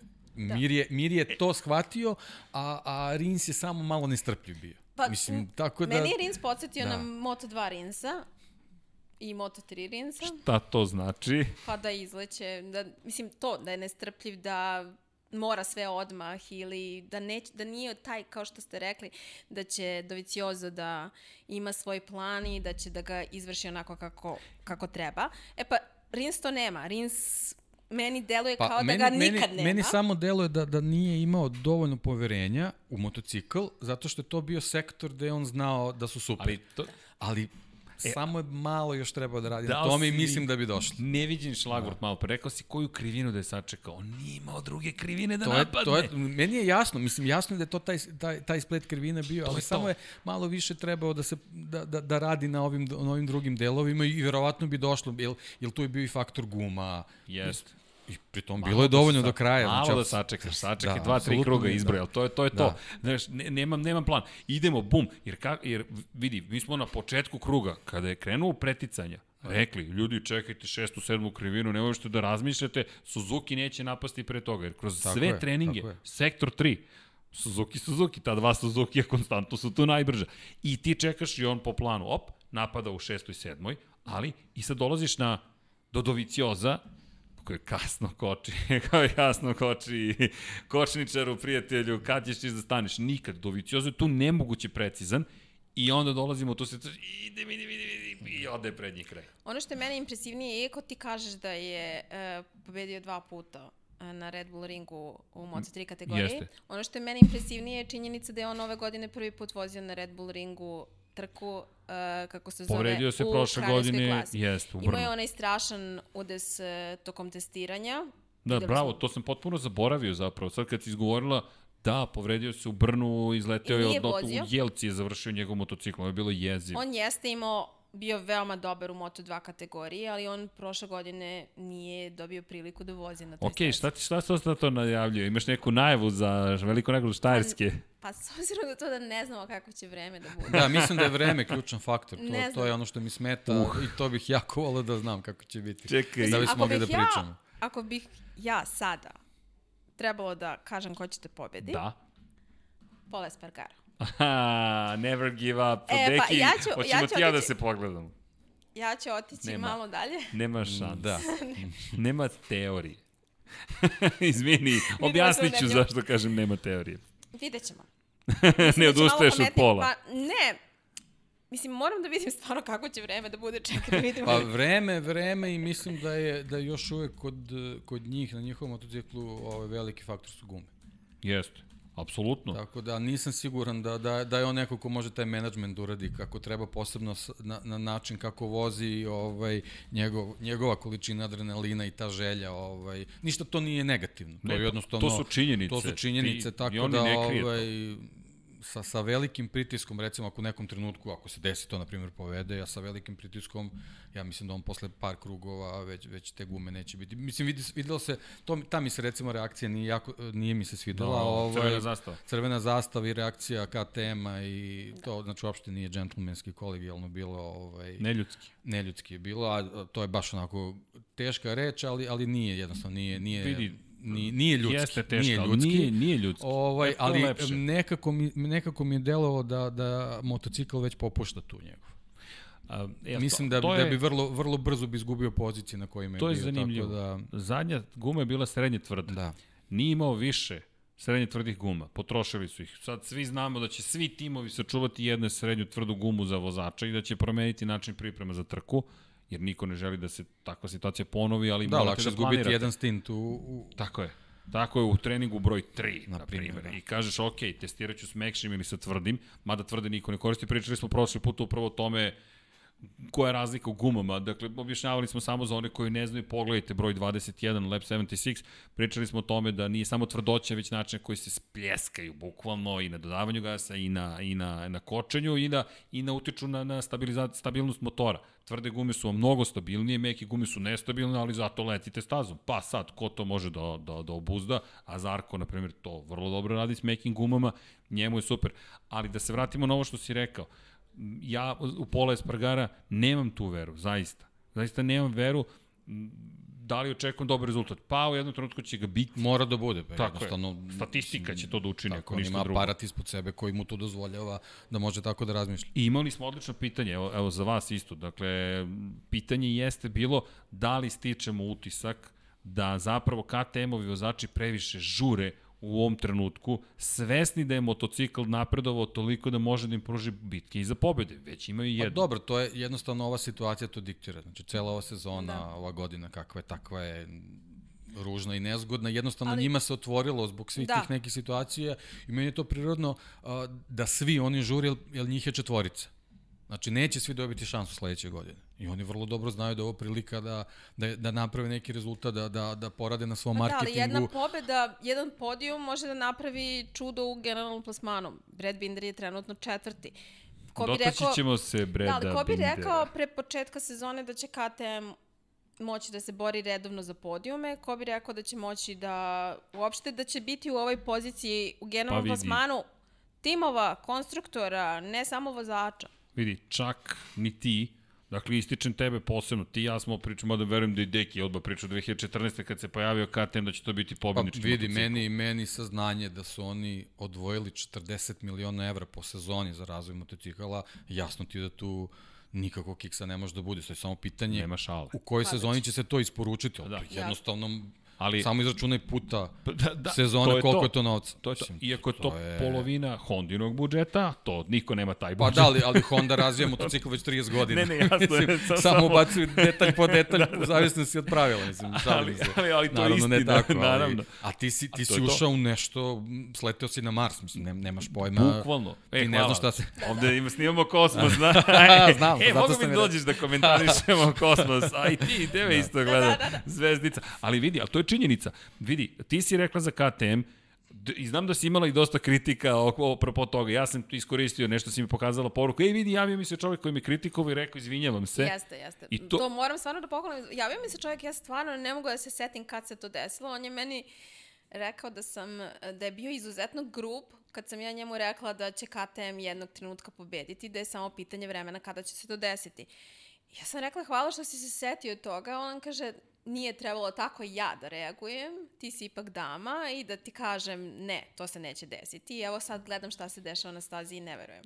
Tako da, hvala što se setio. Ali to je da. zajednica MotoGP, SK MotoGP Lab 76. Deki, učestvujemo svi svo troje, ti si dosta mlađa, dakle, pa samo zbog toga, ali ako pogledamo godine kada smo počeli, svi smo počeli kao zaista mladi i to je ta zajednica koja postoji decenijama, nekako sad u Ja se sećam šoka pomaže. u, u redakciji novosti kad je došla prvi put, kad sam se upoznao, kad je krenuo da mi persira. Strašno. Ja sam 10 godina tebi Strašno, znači da, znači to je to je ono već bilo zna, aha, koliko ti imaš godina, čoveče. Da, ja sam se, njemu, ne, baš ali se, 10 mi se baš godina. dugo znamo. tako Ali da, 10 godina sam mu persirala. Da. ok, čekaj, ne moraš to da nadam se, pusti čoveka. Ne, sad smo okej. Ne, Sad sad, smo se, da, da. To ja, ćemo, sam, ja sam se podmladio i sad je sve u redu. To, to ćemo tek pričati, ali evo, to, to planiramo, Vanja, ja ne možem sve da postignemo, ali jeste dneva da napravimo emisiju gde ćete dolaziti kao gosti da pričamo o vašim karijerama. Dakle, jedna potpuno druga priča. Zašto? Zato što mi hoćemo kao Infinity Lighthouse da se priča i o, toj, o tom aspektu kako, ima i puno ljudi koji žele da se bavimo poslom, ali ne želim da čujem vaše priče, znaš, tvoje priče, tvoje priče, to su neke, to su lepe priče, pre svega. I ovo mi je bila divna priča, izvini što sam malo zlupotrebio, ali mislim da zaslužuje svako, pogotovo ti, pa i Deki nismo pričali nikada o KTM, ali na 100% sam mogao da pretpostavim. KTM je pobednička fabrika i to se sad samo desilo, ali ovo što si rekao, rekao ova sezona prosto vas tera na, na, na to. O, nećeš nikad imati ovakvu sezonu da možda iskoristiš. Ja, ja te, i te vozače potpuno razumem, znači, i te, i te greške koje se dešavaju Jasno. u kvalifikacijama, mislim, to je, to je ah, jasno ti je, znači, ako, ako ne prođeš u Q2, ništa nisi radio. Da. Da. BB nam je pokazao na ovoj trci, znači možeš da imaš ispod sebe šta god hoćeš, ako, Jeste. ako nisi u prva tri reda, Ali izvinjam se, moj kandidat za titulu šampiona je bio četvrti. na Svaka kraju. čast. Pazi sa Svaka to. čast. I to je neko prokomentarisao da samo koristi prilike. Pa, samo toliko, ali to vam je potrebno projekat. pokazalo se, znači ova sezona je Pa konstantna. znam, ali uh, on je iskoristio priliku. Uh, imali smo Vinjales, primer sa Vinjalesom i sa Kvartararom u trci, šta se desilo, da su obojice imali po jedno izletanje. Tako da, ja bih voljela da se i toga dotaknemo. Ne, vidi, e, pa ti misliš da smo mi završili? Ne, Ne, ne, ne, ne, nismo, ne. ne, ovo je laki uvod, ovo je lagani Jer- početak. Vidi, To, Binder je izgubio mnogo u kvalifikacijama, ali Jeste. kad je trebalo, on je bio četvrti. Ko zna šta bi bilo da je stvarno bio u subotu mnogo Pa bolji. dobro, znaš kako, Ali to, to i ko zna šta bi bilo da, da, da nije naravno, trka prekinuta. Naravno. Vidi, ali, Jako mu je nezgodna pozicija bila. Jeste. Gotovo nemoguće bi bilo da ovoliko napreduje da, da se nastavila prva trka. Da. Zaista bilo bi, bilo je gotovo Bio bi nemoguće. među prvih e, deset, Takva ali je ne bi- staza. Pa ne daje ona mnogo nema, prostora. nema mnogo mogućnosti, pošto Ducati su bili ispred Pa- tebe, to je već četiri. Pa, vi, izvini, ali to je, ajde, ajmo, bukvalno, ajmo, jer dolazimo i do Fabio Kvartarara, vodećeg u šampionatu sveta. Marka Markeza još nismo spomenuli koji bi mogao da se vrati na jednu mnogo lagodniju poziciju kada se vrati nego što je izgledalo na početku kada je dve pobjede zabeležio Kvartarar. Samo apropo ovoga, Zarko koji napada Morbidelija, ljudi nije lako preteći čak ni na Ducatiju. Dakle, to dolazi i do Rinsa i do ono što je Oaksley rekao. Sada, toliko malo deli vozače, morate da rizikujete. Ovo je i delimično posledica. Telemetrija kaže, Zarko je kočio najkasnije što je mogao, ali Yamaha više nije motocikl koji da. tek tako pretekne. Tako je. To se sada vidi. I onda dolazimo do, do tog Zarkovog pokušaja, nesrećnog pokušaja na kraju, naći će se Morbidelli, Morbidelli koji traži kaznu traži da neko plati za ono što se desilo.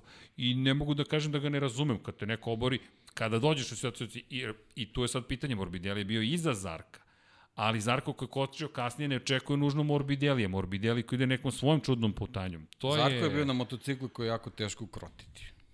Tu, tu je nenormalna brzina. Ona, nismo se ni dotakli konfiguracije staze. Znači, ta krivina je nešto Anomalija. suludo. Tako nešto je. suludo, koja ima prilike fizički da, da, da stane na, na taj deo i da vidi kako to izgleda, sve može da vam bude jasno. Znači, ta krivina je strašna u automobilima, a kamoli to jest kočenje pre tu, pre tu a kamoli da. kočenje. Znači, ne može se sva krivica prebaciti, prebaciti na Zarka, a s druge strane imaš moderne motocikle koji razbijaju sve moguće aerodinamike. Tako je. U tom trenutku, znači on ako, ako je njemu upao Usisaće u zavetrinu, ga. znači ta, ta Yamaha je ubrzala u tom trenutku. Tako je. Da. Tako da, ako... tu je milion nekih faktora bilo jako teško sad da, da ti uh, ovaj, prebaciš krivicu na nekog, ali jednostavno uh, ti si taj koji si izazvao to. I mora neka konsekvenca da bude. Ja, mislim da se razume, ja nisam za, za kažnjavanje bilo kakve vrste, ali jednostavno nek, neko mora da, da snosi... Da sedne sa... Ili da, da, da nešto mora da se desi. Nešto mora, mora da se desi. Da bi se izbeglo sledeći put ponavljanje ovakvog da. incidenta. Rossi je rekao juče, to je napisao je na Instagramu da nije Zarko to želeo, ali nije uradio dovoljno da bi sprečio da se tako nešto desi. Jednostavno, napravio je nepromišljen, po... mislim, mislim da mi od vozača tražimo da u trenutku kada rizikuju svoj život i kada voze tu 300 km na sat u takoj opasnoj krivini još razmišljaju o još nekim stvarima. Pa, ja bih te to samo da li... ispravio, znaš kako, od njih treba tražiti ako, ako rizikuju svoj život, moraju da poštuju Jasne. druge živote. E pa to, znači, samo to samo, sam tela. Samo to, znači ako, ako si zauzeo jednu putanju. Upravo to, onda je drži. Nemoj je menjati. To sam tela da nastavim, da kažem da mi od njih tražimo da razmišljaju još nekim stvarima. A jedino što oni treba u tom trenutku je da razmišljaju gde se nalaze u, po, u toj poziciji i šta rade. Znači, ne možeš na takvom delu, znači, postoje mnoge staze koje su opasne, mnogi delovi staze na kojima takav potez ne bi Evo, mnogo ja ću, koštao. Ja ću se samo vratiti na Jerez, ali... mislim, delovaće sad da, sam, da možda stajem na stranu tog momka, ali, ali čisto kao primer. Znači, u Jerezu se desilo, to smo svi primetili kao eksplicitan primer toga, vezano za napredak Marka Markreza kroz grid, kad je, kad je prvi put izleteo sa staze, kad je obilazio Morbidelija. Morbidelija mogu da ostavi koleno dole. On se sklonio. Da, da, nije... Marquez je prošao bez ikakih problema tu. Uh, Rossi mu se sklonio. Pa svi su sklonili. Znači, da, da se ne lažem, ali, ali to to neko džentlmensko ponašanje koje mora da bude među njima.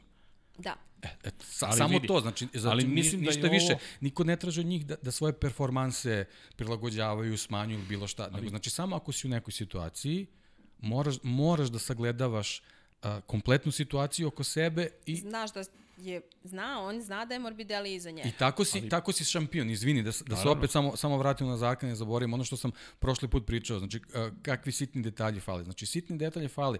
Ti ovde, da si bio svestan kompletne situacije, ti, bi, ti si tu trku mogu da završiš sad sa nekim bodovima i da debelo unovčiš o, brno svoje. Ko zna gde bi završio? Ko zna Tako gde je. bi završio u momentu kad Dovicioza Tako napušta Ducati i kaže čekaj, čekaj, čekaj, možda ja mogu da budem...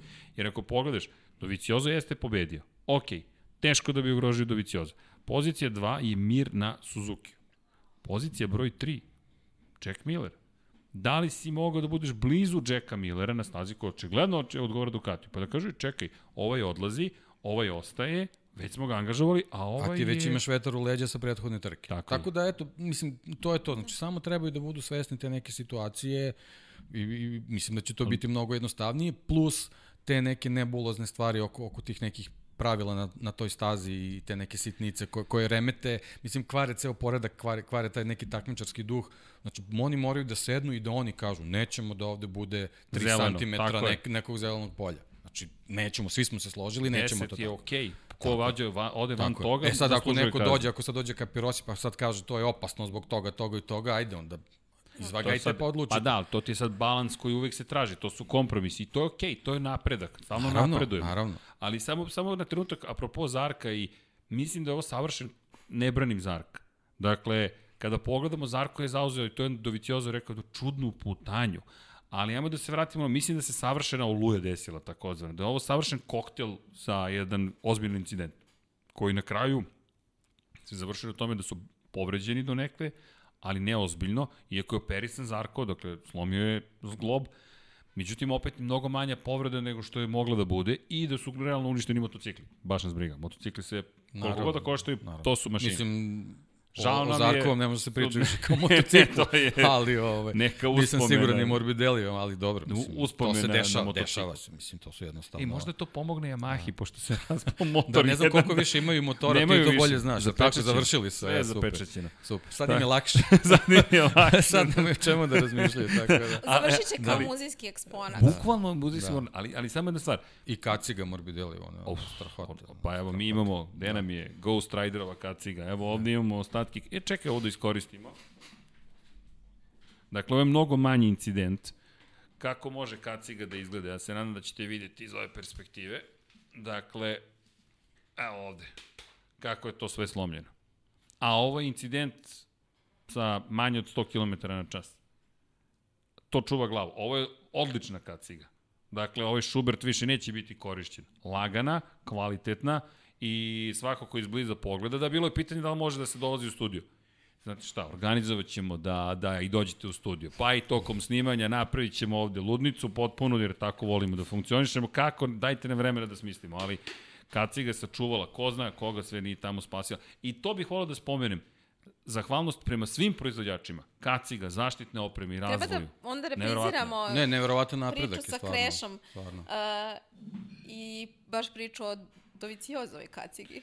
Pa da, da, da to o je... servisiranju tako njegove je, kacige to- i koliko... to je, da, jedan od, od, od, od zapravo segmenta koje, koje si snimila, ne znam tačno koja je bila trka, ali koji je snimljen baš o tome koliko to oprema napravila. Ali ljudi, samo bih da im se zahvalim svima. Kogod učestvuje u toj industriji, to je spašavanje ovih ozbiljan ljudi. posao. O, ozbiljan posao, mi ih ni ne spominjemo. I da se vratim na, jel te, savršen mix stvari. Zarko ide negde, napada. Odjednom pitanje je koliko je aerodinamika odigra ulogu. Jer koliko god da je usisan Morbidelliv, i Zarkov osjeća efekat toga. Tako je. To se u Naskaru jasno vidi, ljudi, taj takozvani side drafting. Pogledajte Naskar. Dakle, kada idu jedan uz drugog i kada se približe ovako, ovaj ovde je u problemu. Jer vazduh kako dolazi, gura, jel te, automobil vazduh, kako gura vazduh, gura i na ovaj ovde kraj. Utiče na difuzor. Odjednom ti gubiš prijanjanje pozadi. Kod motocikala je manji efekat, ali je sada sve izraženiji. Jer u Moto dvojici speed up je radio na aerodinamici. Na motoru ne može da radi. Može na šasi, može na aerodinamici. I radili su nam, u Moto dvojici aerodinamika igra, igra ozbiljnu ulogu. A kamoli u Moto Grand Prix. I odjednom, dakle u NASCAR-u to kada se približite, vi znate da ga side draftujete. To znači da ste rešili da uđete u, u duel sa nekim vrlo ozbiljan. I u ovoj situaciji mislim da je i to pomoglo. Da je prosto pomoglo. I onda konfiguracija staze, da si ti penješ ka prevoju i tamo je prevoj, a i onda ako izletiš odavde, ideš, ideš ka vozačima koji Pritom, uh, Um, uh, da, da, čisto stanemo malo i na Zarkovu stranu, MotoGP motocikli nisu motocikli koje ti tako lako Ne možeš. možeš. da, da iako, iako napraviš neku grešku, namerno, nenamerno, kako god, ne, mož, ne možeš, ne možeš tako, tako lako da ispraviš. Još ne Ducati. Još ne Ducati. To ono što si rekao na početku, ljudi, to je Ducati. To nije Suzuki, to ne skreće. On ima pod upravljanje po prirodi svojoj i ti zadnjim točkom mnogo više upravljaš. A u tom momentu on pretiče, razmišlja, još on kasnije koči nego što je kočio u prethodnim krugovima. Morbidelli je verovatno je povuklo, dakle, to je sad pretpostavka. Zašto Morbidelli nije kočio kada je inače ranije kočio? To Možda je hteo da pretpostavka brani. zbog njegove izjave, pošto Tako je je. on tako rekao, ali to sad, mi njegove telemetrije nismo, Nismo bar ja videli, nisam, da, nisam, nisam ni- je nigde ni- ni. video. Tako da, ovaj, jednostavno, to je splet takvih okolnosti. Nesrećnih ovaj, okolnosti. Nesrećnih, a zatim i srećnih. Mislim. U svakom i zatim i srećih, lepo si rekao. Da. Zato smo i krenuli, od broja 58 Da, i ja- zaista zahvalni smo na tom. Ja mogu da shvatim da Morbidelli traži kaznu. To Pa- mi je nekako i razumljivo posle svega što se desilo, ali mislim da je ovde kazna ne može da pomogne i ne može ništa da uradi. Jednostavno samo mora e, da se usadi njima da moraju malo da razmišljaju o prostoru oko sebe. Da, mislim da to je sve lepo rekla, da, da, da film to lepo rešava u ovoj situaciji Dorna. Zašto? Imam utisak da ako nađemo žrtveno jagnje i to bude Zarko, da tog momka uvodimo onda u još veću Da. opasnost i sve ostale oko njega. A njega već prati taj glas. Pa braća Espargaro su da. osula paljbu po njemu i to ozbiljnu paljbu su i Poli i Aleš Hoćemo da se osuli. osvrnemo i na Petrućija i Aleša, šta se dešavalo prošlog Pa, vikenda. dobro, da Danilo vidi je koristi univerzalnu gestikulaciju, nije pristojan bio, ali znaš kako, ajde, sad, koje je vaše mišljenje?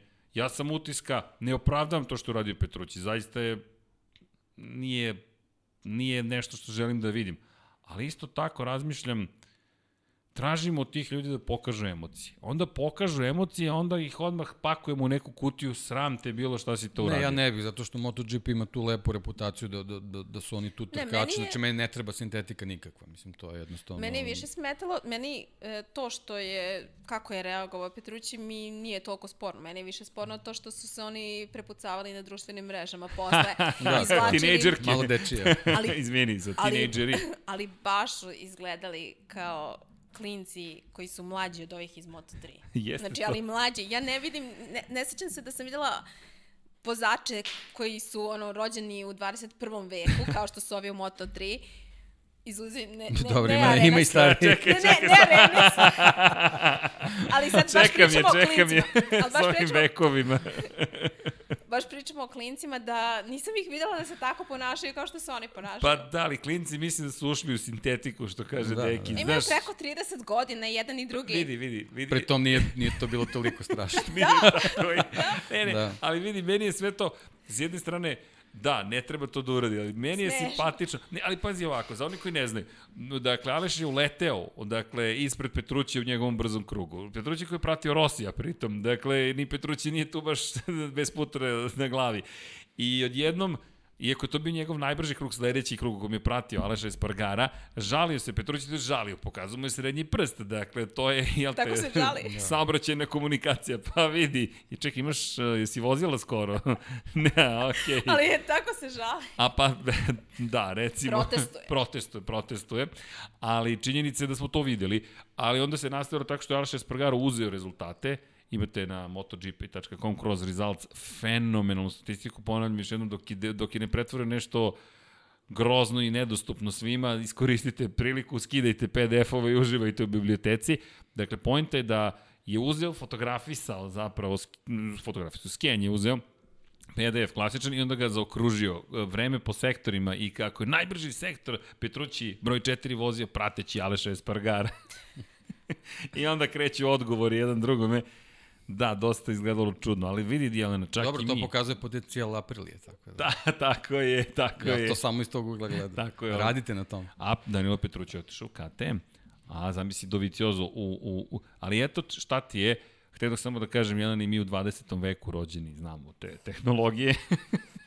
dakle, ali činjenica je da, da je Pedrosa iz Honda odlazi u KTM. Pa sad Petrući stiže iz Ducatija u KTM. Transfer znanja i informacija meni će biti vrlo zanimljiv i možda eto nam se desi da neko iz modernog Ducati, savremenog Ducati dođe u savremenu Apriliju. Ne mogu i dalje da se otmem tom utisku. Ne znam, meni je čud. Meni je iskreno e, čudna ta vozačka postava Iker Lekuona i Danila Petrući.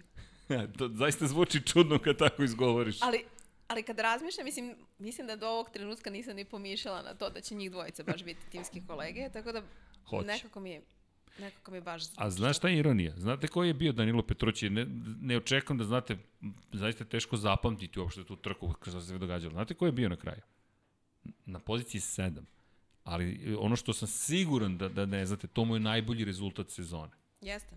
Najbolji rezultat sezone tebi sedma pozicija kao fabričkom vozaču Ducatija. Bez obzira na povredu koja se sad već desila pre dovoljno vremena, da. Petrući je u ozbiljnim problemima. Petrući je u ozbiljnim problemima. Jack Miller na pobedničkom postoju, Andrea Dovizioso na pobedničkom postoju, zašto ga ne spominjemo? Evo zašto. A pogledaj sad raspad sistema kod Ducatija. Oba fabrička vozača ti odlaze, jedan ti je već u lošoj formi, jedan ti pobeđuje, ali sa njim nećeš ni da nastaviš saradnju. Ali I- okej, okay, Jack Miller, ajmo, treća pozicija Jacka Da, Millera. to je Jack Miller, meni je stvarno krivo što Peko ne vozi, što je povređen i što se vraća tek u Mizanu, ali ko zna kako bi to izgledalo, posebno zato što je vozio baš sjajno u Heresu.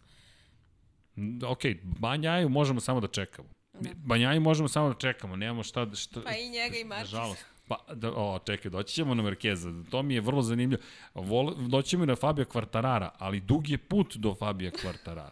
Dug je put. Dakle, evo, posle Millera možemo da skočimo na vodećeg u šampionatu, ali ajmo Miller, sedmi u prvenstvu, ne očekujem, očekujem opet uspone padove, uspone padove, uspone padove. I ja sam, za razliku od tebe, skeptičan kada je reč o Milleru u kontekstu neke titule ili takve vrste borbe. Pa, ali kako mis, zar Ne misli da sam sada i ja... sledeće. Ne, ne, nisam ja rekla da će Miller biti šampion sledeće godine. Ne, nisam rekao da si rekla, ali da li imaš, da izvinjavam ti se, dakle, impliciram nešto, ali stekao sam utisak da Ne, imaš veće imam- poverenje. Pa, da će da pobeđuje na Ducatiju, da. Ali nemam baš neki utisak da on može da dođe do titula, na primjer, sledeće godine. Može u nekom trenutku da bude šampion, ali u konkurenciji Markeza, Kvartarara, pa i Vinjalesa koji malo mi je diskutabilan, ali to ćemo pričati posle. Dobro, Vinjale si da imao problema Da. s Ako motorom. stignemo. Ali, da, da. Stići ćemo, deki. Pa čak i Morbidelija sledeće godine. Ne, ne znam, nije, ne, Miller mi je favorit ako bude padala kiša u nedelju. Evo sada. Miller To- ti je to- favorit, okej. To, ako bude padala kiša. Vidi, to, to naravno nije nemoguće. Ja sam skeptičan po pitanju pobjeda Jacka Millera, iskreno. Mislim da će imati povremeno neku pobedu, Ne. možda. Mislim da će... I to je to. To, ne mislim ja da će on sad, pa da, ali opet i Doviciozo je povremeno pobeđivao prošle sezone, imao je probleme do duše. Ali Doviciozo evo za toliku karijeru ima 15 pobjeda. Mislim da i Jack Miller može tako nešto. Uf, Ali- Ja nisam siguran. ali- Ja nisam siguran. Ima već jednu. A ima jednu. ali, a ima 25 vidi, ja godina. ga obožavam, zaista. Ali ne vidim da će da, da, da može prosto da istrk, da, da, jer vidi, mada Doviciozo je dugo čekao na te pobede, ali skeptičan sam po pitanju Millera, zaista. Ne, ne, uopšte ne želim da ga poredim sa Casey Stonerom. Mnogi pričaju da to stigao Australijanac u Ducati. Meni to ne, nemoguće, ne, nepostojeće poređenje. E, ne. Casey Nije- Stoner je Meni Casey je, Stoner. meni je što se tiče Millera, ovaj, talent je nesporan, mislim, to, to je naravno, ovaj, sve ide na njegovu stranu, ovaj, nego jednostavno, a, a, i ovim izjavama sad, kad je bila ova priča, Dovicioza ostaje, ne ostaje i tako dalje, nekako je pokazao da on, on tu situaciju, o, o, atmosferu voli da pravi opušteno. Znaš, Ja sad nisam siguran kad dođe u Ducati, kad krene neki pritisak, kako će on to da, Kako će, to, kako će da kako se nosi će da sa... hendluje to? Pa, Pa- da, mislim, jednostavno, ne deluje mi da je kao takav tip. E sad, Pazi, Naravno sad tu ne znam ako krene sa tri pobede uzastopne možda to Pa nešto vidi, krene drugačije. ćemo svi. Pa ne, naravno, nego ja samo nisam siguran ovaj kako, kako će da, da, da, se, da se nađe uh, kako će da rešava situacije kad krenu neki razgovori sa nekim čelnicima Ducati, tako kojim, naravno, mislim, mi nećemo ni znati kako to sve može Ali... da teče, kako je bilo, kako je to i Doviciozo hendlovao i da li je hendlovao. E, tako da, zato je meni, izvini, su- Undaunted, neko je pitao, stavili smo linkove, ali stavit će me ponovo ako treba. Undaunted je meni tu savršen bio, Red Bullov film, gde mi slušamo Dalinja i Dovicioza kako komuniciraju. I Dalinja koji stalno vrši pritisak. A znaš, mogo si ovde da napadneš, a mogo si ovo bolje, a mogo si ovo. Dovicioza govori, nisam, to je bilo to. I taj jedan odnos gde... E, to je, to je ta situacija koja će To. se dešavati Milleru, naravno. Dešavat će se, da, ali E sad samo je pitanje kako, kako će on to da reši i kako će izlaziti iz toga. meni Da li, da li je on u stanju da izbaci te klastere, da poništi u glavi i da, da izbaci crve Mislim i da, da... mislim da jeste... da ali, ali on, nje, nje, Mislim mislim, da je moguće, njegov, njegov temperament mi ne deluje da možda može. Mislim da može, ali povremeno. Ne može stalno zbog toga. Mi, nemam utisak da on može da bude šampion I šta nam to govori o. Ducatiju naredne godine? Pa, ali već smo pričali o Da, tome pričali da je smo da se ne već- vraćamo. To Ne, Da ne, je samo, već- samo, ne, to samo, je- samo, samo šta nam govori. Nemam. Da. Znači, kakva je strategija vašeg izbora vozača? Mislim, Jack Miller je meni bolja opcija za drugog vozača nego Danilo Petrući. To svakako. Tako ne, da- Danilo Petrući mi od početka vrlo sam Od- skeptičan bio. Od početka. Ali e, Miller se na, ponaša prirodno na Ducatiju. Na, mislim da je Ducati trenutno savršen motor za njega. I zbog toga kažem da u nekom trenutku on je prošle godine imao podijume. U jednom trenutku sam ga pitala kad smo bili, kad je bio na podijumu, e, do, konačno si e, došao do podijuma na suvom, on kaže, pa da, pa evo, to mi je nekako po, postalo normalno, zato što navikli smo da on uvek desi se, da se desi nešto nepredviđeno, pa onda dođe do dobrog rezultata. Ali prošle godine je bio veoma dobar. Pa i... da, ali od tog pobedničkog postolja u Kataloniji njegov najbolji plasman je bilo četvrto mesto u Nemačkoj, više se nikad nije bio približio pobedničkom postolju. Jer on je u Kataloniji bio treći. I to je bilo to. On je, on je prošle godine je počeo pristojno. Šesti, šesti, šesti, peti, treći, pobeda, treći. I ta Katalonija, kako je bio treći? Tako što je Jorge Lorenzo eliminisao sebe, Valentina Rosija, Maverika Vinjalesa i Andreja Dovicioza. Dakle, Ali četiri čekaj, zar kandidata. nije bio još neki put na podijumu prošle sezone? Danilo Petrući, ne. Ne, Danilo Petrući, kažem ti za Jacka Millera. A, za Jacka Millera, izvini, izvini. Za, za Jacka Millera razum- se, ne, zbog toga si me A zbunio. ne, ne, Miller da. Miller, kada govorimo o Milleru, Miller jeste bio na kraju prošle Jeste, sezone. zato što je bio i Tri pro- puta. i Valencija. I Valencija jeste Zbog bio na kraju i u Australiji. Da, zato. I to je za njega postalo sve češće da, da završava. Izvini, mislio sam si govorila da Danilo Ne, ne, Petrućiju. ne, Danilo Petrući mi Ali- je, od početka mi je ali, ali, problematično ali, to ali što je nema, on. nema tih pobeda. Dakle, i, i sad, kad pogledaš sad, evo, cela priča. Ali kakva bi bila poruka za Ducati da pobedi Pramak Ducati? Mislim, sad, ozbiljno. Ali ja mislim da se to vreme promenilo. Pa, ja Znaš mislim da kako? se za Ducati nije promenilo. Za, Hon, so, za Yamahu jeste, ali i za Hondu jeste. Ja- ali za Ducati Ja, mislim da bi, bio, da bi im bio veliki problem da pobedi. Ja mislim da se vreme to promenilo u MotoGP-u. Dakle, ne postoji, mislim, više niko ko zapravo to posmatra toliko i dalje mi is, i, i, insistiramo na tome privatni fabrički tim. Te linije su veoma sada tanke, ako nisu i obrisane. Jer ako pogledaš, po, dakle, po, po završetku kvalifikacija u Brnu, bilo meni, meni makar bilo jasno, mislim da je svima bilo jasno, to je to. Kada jedna Vintija ide na pol poziciju, kada ti imaš dve pobede za redom Petronasa, kada dolaziš do toga da je Pramak Ducati očekivano na pobedničkom postolju, kada je Takaki Nakagami u Lučiće Kinelo Racingu najbolje plasirana Honda, činjenicu za osnovstvo Marka Markeza, mislim da više ne postoji Ali ne- taj moment privatne ekipe. Ne mislim MotoGP-u generalno, ja samo mislim za ekipu Ducatija. Kako bi njihovo bilo. Ja to ne vidim iskreno, znaš, znaš kako, zašto, zašto mislim da to ne postoji. Dao si dva fabrička ovogodišnja motocikla da, njima- da pramaku. Da, njima pramak dela kao neka sestrinska Tako ekipa. je. Mislim, mislim da je to taj odnos. Njih, njih bi, možda više bi im smetalo tipa, a sad ne može ni tako da se gleda, tipa kad bi Zarko pobedio, ali, Ali- oni bi onda rekli, ali- vidite da smo bili u pravu što ga dovodimo. Tako ali da, da li bi im smetalo? Pogledaj u Brnu koliko su se bunili na kaznu Zarkovu. Da. Ti kad pogledaš Tardoci, Dobro, mislim, a, bilo bi stvarno... poludeo je. Morali su jednostavno da, da, da stanu ovaj, na njegovu stranu, upravo iz ovog svetla što smo kasnije saznali kako se razvijela cijela ta priča oko pregovori i svega. Znači, oni jednostavno su morali da mu pokažu da su uz njega. Tako je, ali, ali šta hoću ti kažem, um, a to sad samo razlika u mišljenjima i volio bih da vidimo najzad, jer znaš, znaš kako još to gledam, ako pogledaš, Jack Miller je predstavnik sledeće godine fabričke ekipe Ducatija. Ja mislim da neće imati oni problem sa tim da on pobedi, jer njega dovodimo, evo zašto ga dovodimo, e sad, da li imaju taj lični moment pa kažu Doviciozu, evo, zašto ga dovodimo. Vidi, i oni su slavili onu pobedu. I Ducati, ljudi su na kraju. Ja mislim da Ferrari sad pobedi s Vettelom Pa da bi naravno, pa svi ne. slavili, cela fabrika bi slavila, duboko u noć. To je prosto ta lepota pobede. Tako da, znaš, ne vidim nužno to, ali što se tiče izbora, ajde, da što kažeš, ajde da se ne vraćam na to, nego nekako ne možeš pobegneš od toga, ali cijela priča, ako pogledaš, nas vraćamo na sledeće, koliko priča imamo, niko se ne izdvaja u borbi za titulu šampiona sveta. Svi imaju neku šansu, što je lepota šampionata, ali Fabio Quartararo, sedmi pa osmi. Ljudi, to su ozbiljni problemi sada već. Prošle godine na, na, u Austriji on bio na trećoj poziciji. Na starijem motociklu i ograničenom Dobro, ovde motociklu. ima nekih sa onim izletanjem, ovaj, koje Jeste. to beše krivina Ali pet, muče kako se zove. da Kočnice Da, mu nisu radile. da. Kaže da ni prvi set Da. kočnica, ni drugi set Ja kočnica sam nije primetio radio. jedan detalj na izlasku iz ove famozne, kako zovemo, krivine 3, jel tako? Da. Ove, e, ovaj, e, vidi se u jednom delu ekrana na izlasku, on se naslonio na Vinjalesa. I Bukvalno je ovako gurno Vinjalesa u motociklu. Ja mislim da ga je to dekoncentrisalo i zato je posle promašio tamo krivinu, ali to izletanje ga je upropastilo mu je sve, tako da, ovaj, ali, ali to je sad, kad smo već spomenuli Yamaha, znači on ima problem s kočnicama, Vinjales ima problema sa Tako je. kvačilom.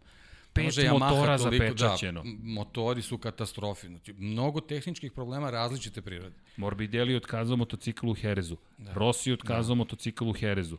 Dakle, pogledaj sad ovo. Yamaha, Samo, samo uzmeš, sabereš te bodove na pozicijama na kojima su odustajali, samo da se ti bodovi prenesu. I onda ti je jasno koliko su već izgubili zbog nekih stvari koje nema veze sa vozačima i sa stazom. Tako je. Jer e, ti kada pogledaš, Yamaha kao da je previše tražila od sebe. Kao da je u toj poteri za maksimalnom brzinom dovela, kompromitovala... Ali nisam siguran da su imali izbora. ali ti opet govori, negde po mom mišljenju, koliko je opet teško svakako uspeti, ali koliko je Maha zapravo još uvek nije spremna za tu vrstu bitke. A Yamahu tek čeka da moli ostali proizvođače da je dozvoli da, da, da, zapečati neke nove motore. Da otpečati zapravo ove, da ih sredi i da ih zapečati. I opet se vraćamo u istu priču, teško da će im to neko dozvoliti. Pogotovo sada. Ne, sad kreću ratovi sad jednostavno. Baš tako, kreću ratovi. Pa sad se prelama sezona, ako ćemo da. iskreno. Mislim, to što dok Marke se vrati, kad se Marke se vrati, posle toga ćemo... Pa sledeća trka je veoma bitna, jer iz perspektive drugog Red Bull ringa mi možemo da dobijemo nekog vozača koji će malo doskoči u, u bodovnoj da. razlici, ali nije to prvi Jerez ili drugi Jerez, znači ovo je već neka trka, Ovo je peta sezona, trka. Je, sezona je već debelo počela i ti ako, ako uspješ se odvojiš na neki, neću sad da imenujem, nije ni bitno, znači ako se odvojiš, odvojiš na neki 20 25 bodova, to je već, već za, za neku priču, za neko razmišljanje. Da. Tako da, zato nam je jako bitno kako će vreme da bude, kako će, kako će vreme bude u subotu, kako će vreme da bude u nedelju. Vidi, četiri Svašta scenarije imamo. Ajmo ovako. Tako je. Znaš, kada ćeš se kvalifikovati, da li ćeš se kvalifikovati i zato, jel te, Pa, prvog treninga... Po onome prvog treninga, Prvog treninga, i, i moment, ono što smo pričali, znači moraš da čuvaš set guma. Da, ali opet... Moraš. Da. I kišnih Mislim da je jako, i- jako zanimljivo I pratiti, suvih, jako zato- zanimljivo će biti pratiti taj, Pa taj kako, Red Bull po, ring. pr, po prognozi je subota i nedelja i subota u vreme kvalifikacije kao su Da. najavljene najveće padavine. A, a ajmo ovako, ima, uvijek imamo četiri scenarija. Trka po suvom, trka po kiši, trka koja počinje po suvom, završava se po kiši i trka koja počinje po kiši, završava se po suvom. Dakle, prognozirati je nemogu, nemoguće. Inače, Ne, to sad, to sad ima jedan moment, to se, nismo se toga dotakli, ovaj, ali, ali treba da pričamo, to je moment bezbednosti same staze, gde je i Valentino Rossi pričao o, o, o bujicama, potocima koji teku Da. na određenim delovima staze, to su kritični delovi u Neće prvu biti nedelju smo videli koji su ti. Neće biti Da. ni trke, ja Znači, mislim. au- automobili imaju velike probleme na toj stazi, a kamoli motocikli, tako da Brno, to je sad taj moment koji može nam poremeti celu priču. Pa ajde, moramo da Brno vidimo. prošle godine, Da. kada smo se našli u sličnoj situaciji, mislim, ovaj bizaran moment kada su sušili stazu BMW-ima, bukvalno su sušili stazu, Zato što dakle, je počela sat vremena pre...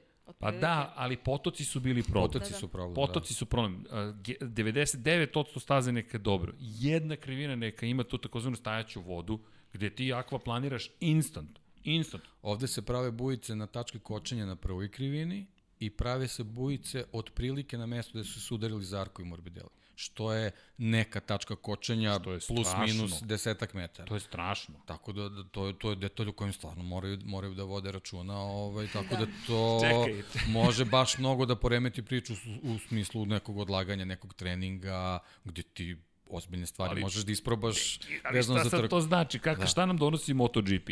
Možda će biti treninga, a možda ih i neće Donosi biti. znači da će sediš biti... ceo dan u studiju. to je to. Silverstone. Hvala. Silverstone. Kao, znaš, ove nedelje samo MotoGP super. Neće baš da bude Neće tako. baš biti tako, da, da. da. Pa- Uuu, bit će zanimljivo. Da. Može da se odloži, može, mislim, sva, svašta može da se desi, stvarno. Evo, činjenica je da je, mislim, da, da mo, možda krenemo i na tu stranu priče, Red Bull Ring je jako opasna staza za motocikliste. Jest. To se, to se videlo ove nedelje. To je Nažalost, obe, ta, pitanja. obe ključne tačke su se ove, pokazale opravdano ovaj, crnim tačkama. Tako da ne znam, mislim, to je neka stvar koju moraju u perspektivi da... Ali ovaj, oni su pričali o tome kako je staza opasna još pre nego što se vratila u kalendar. Pa to je Tako da, 2016. Što bila je diskusija. 2016. i niko nije pričao o tome šta bi moglo da se pomeri, to jest da, što, da se promeni. E, pominjao si Stonera koji je rekao da taj zid koji je u toj krivini trebalo da se pomeri, oni su ga pomerili, ali očigledno nedovoljno još, zato što sve vozače kada su pitali za udes posle na konferenciji za štampu, svi su bili saglasni da u toj krivini je najveći problem zid. Znači A nije za koju pro- krivinu pričamo? tu u kojoj je bio udes. treći. Treću krivinu. Treću, Treći. treću. Znači Doviciozo je rekao nije ništa sporno na samoj stazi koliko je sporan taj zid. Ali tu je Pa problem... ja ne Ali- znam, meni, je, ali- meni je tu više sporna inercija, jer u Jasno. slučaju udesa oni seku putanju je. Oni vozačima. postoji mogućnost da se napravi Ne malo drugačiji ulaz u tu krivinu. Pa generalno To tu treba smanjiti brzinu, znači oni mogu napraviti neku šikanu gore. Na, Da. Mislim, ne znam, sad, sad je- ovo je baš karikiranje sad svega. pa dobro, to je jedno ali jednostavno, a, krajnje brzina na, na kočenju pred, pred krivinu 3 mora, mora da, Da, da, ali- se spusti nekako. Ali veliki je problem što smo videli sa Bastianinom, ta prva prva krivina, je je li tako, koja je, koja je nepregledna. Nevidljiva je krivina. Jednostavno, je slepa- oni su ma, mali, oni nisu automobili, oni su jednostavno, motocikl koji se položi se ne vidi. Da. To, Pa, to je njima to je- stvarno, stvarno veliki problem, ali tu ne znam, tu, tu ne može, tu jednostavno ne može da bude promene, ta, Ali- ta je konstrukcija takva kakva je. Znaš kako, ajmo ovako, iz perspektive vozača ti dolaziš u krivinu 1, ideš uzbrdo, već se penješ, skrećeš desno, odbojna ograda je tu koja te štiti od izlaska iz pit lane-a. Ti ne vidiš kada skrećeš, nevidljiva je krivina, ti skrećeš na pamet i izlaziš i tek u tom Dobro, oni hvataju teme, teme krivine na ivičnjaku, nije to problem, ali on jednostavno Ne, ne, nema, nema ali- pregled ničega, to- a problem je što je krivina pod jako, jako oštrim uglom. Nisam mislio na, na odbojnu ogradu da je opasnost za njih, nego nije- odbojna ograda im sprečava da Pa, vide nešto. Dobro, Ti da, ne mislim, vidiš. njima generalno sve sprečava, zato što su oni, to, to je jako, jako velika razlika visinska Tako je. u tim Ti tačkama. se penješ sa najniže na je. ciljnom na najvišu do krivine broj 3. Cijel uspon ti obavljaš kroz 1, 2 i 3. I onda sve ide nizbrdo kroz Mislim, ja ću, stazu. ja ću opet, opet da povučem paralelu ovaj, vezano za automobile koji su mnogo bezbedniji na Red Bull ringu. Kakvi smo udese sve imali i u prvoj krivini i u Jeste. trećoj. Sećate se, sećate se Sato i Heidfeld. Sato i Heidfeld, To je, Sato to je, to je ravno, udario direktno. ravno ovom udesu. Bočno je udario u Tako je. Heidfeld. Pa smo tu strahovali za život, koji su bili u automobilu u svom kokpitu. Ovde smo videli čudo. Tako je. Apsolutno čudo. Tako je. Dakle, čudo da, da oba motocikla prođu tačno tamo gde treba da prođu da nikoga ne zakače. I najveća posledica je to što je Morbidelli o- ograbana brada Ma i što to mu je, je ruka to je neverovatno, mislim, to je, to je ovaj, što Srđan kaže, to je zahvalno svima što prave njihove zaštitne opreme, ali jednostavno a, to, mora, to se mora Ali to nije preduprediti, nije, dovoljno, nije, tako je. nije, to, nije to kao Oni ključna su, mera. Oni su uvek, i svake godine u Austriji imamo, zbog Alpa i zbog klime, imamo nepredvidive vremenske uslove i svake godine se priča. Ali svake godine, ali ne vidim da se nešto radi.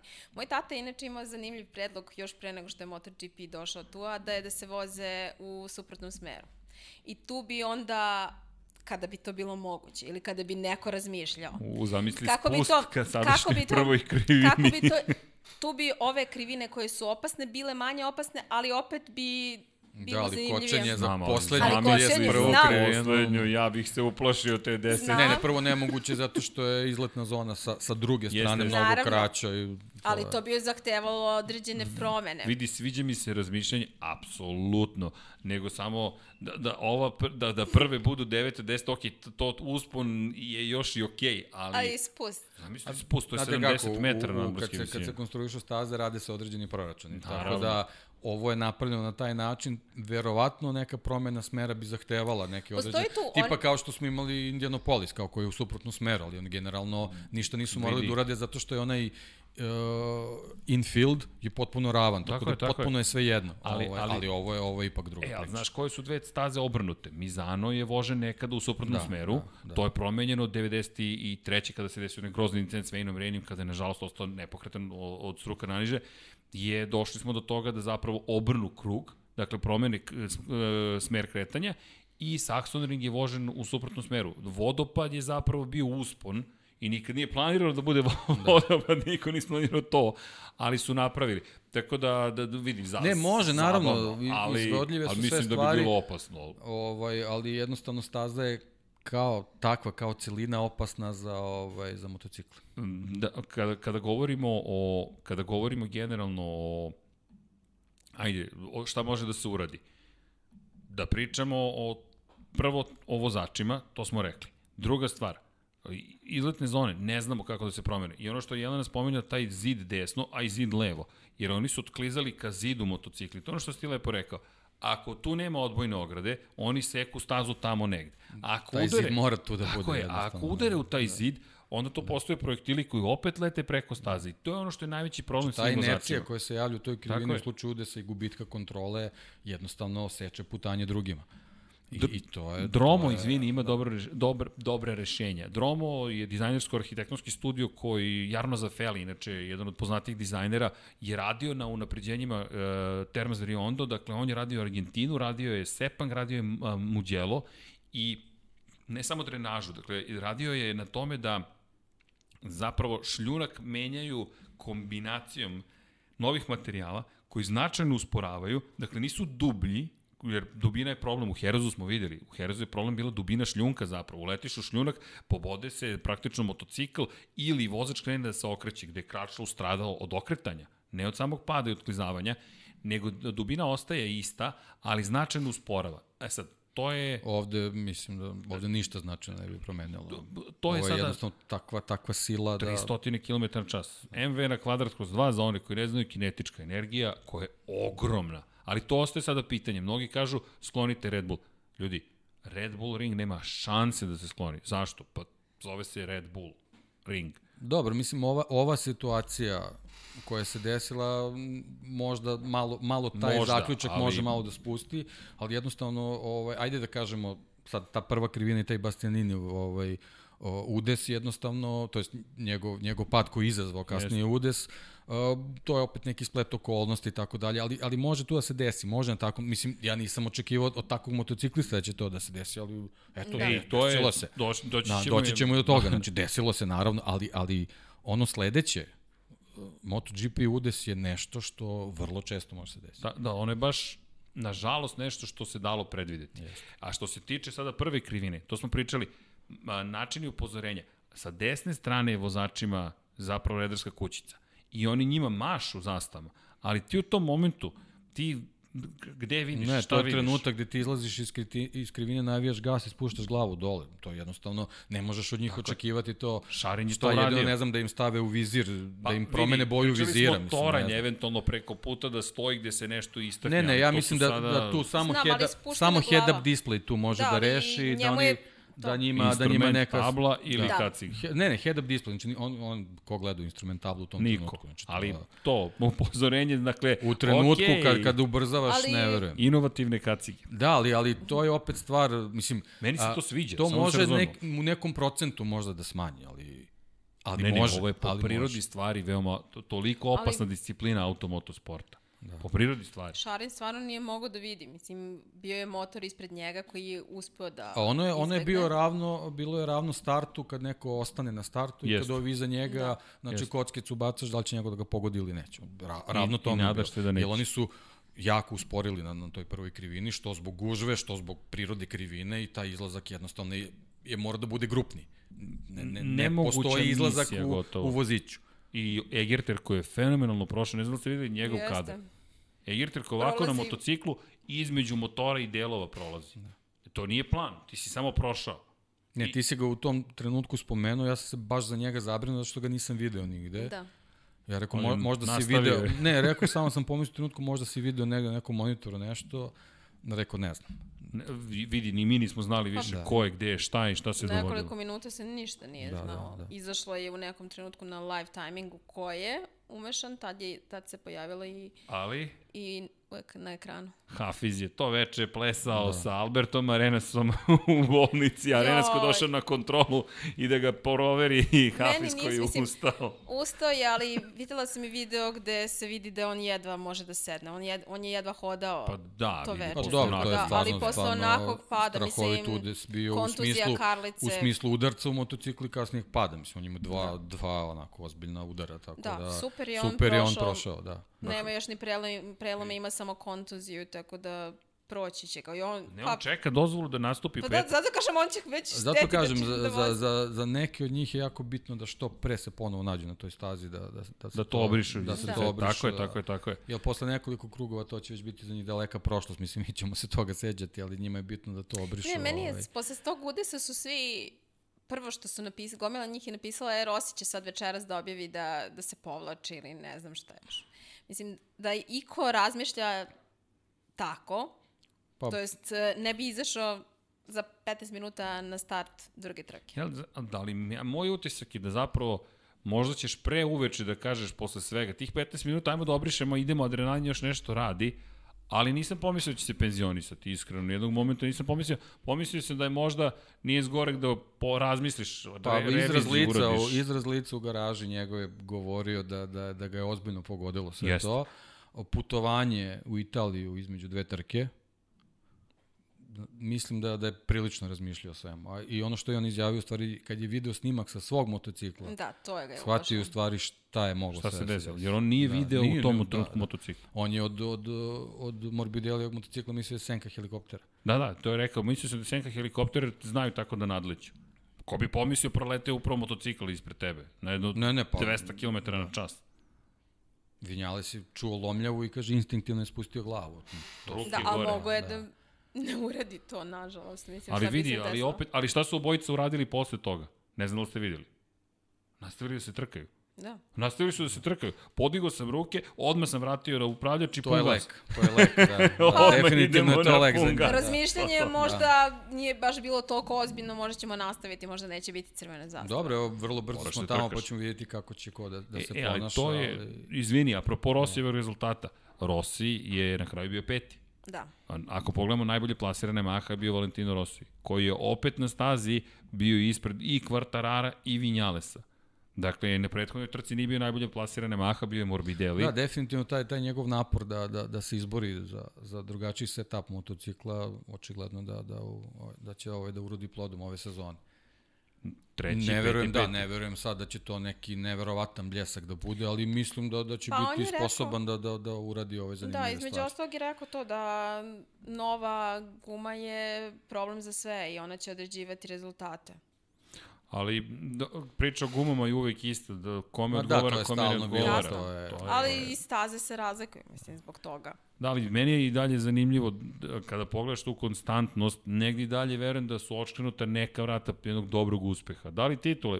Vrlo teško, ali ako pogledaš ta konstantnost je Pa tu, on, on među tom grupom vozača koji su se, kao da kažu, malo istakli od, od, od trenutka Markezove povrede, on jedini nije tu Napravio veliki napravio, kiks. ne, ne, ne samo napravio veliki kiks, nego nije u jednom trenutku, uh, kako bih rekao, vladao svojim rezultatom i nekim visokim dostignućima. On je, na primjer, u Herezu vrlo lako izgubio drugo mesto. Pa on je napravio grešku na kraju. Da. Na kraju da, što on je znači da napravio je, da je tu neki limit bio koji očigledno nije mogao da, da, da li da izvuče iz sebe ili iz motocikla, sad to već ne znamo, ali, ali jednostavno činjenica je da, da, da nije, da u borbama Znaš- ne može da, da pruži veliki Da opet. je on najbolji vozač bez pobjede ove sezone. Dakle, ispred njega su pobednici. Vraćamo se opet Da, da, da, na istu to je, temu. ne, to je, to je Nemaš nesporno, to je pobede, sjajno, da, da. Ne, ne, Vinjale si ispred ali, njega. Pa, uh, da, izvinjam se, upravo si, Vinjale se ispred njega. Moja greška. Jer Dobro, ispred ali njega su Vinjales Quartararo, druga i. Binder. I Vinjales koji ima dva druga mesta. Da, on, o, Da. da. sad kad je spomenuo Bindera, ovaj, kojim sam odezao pobedu.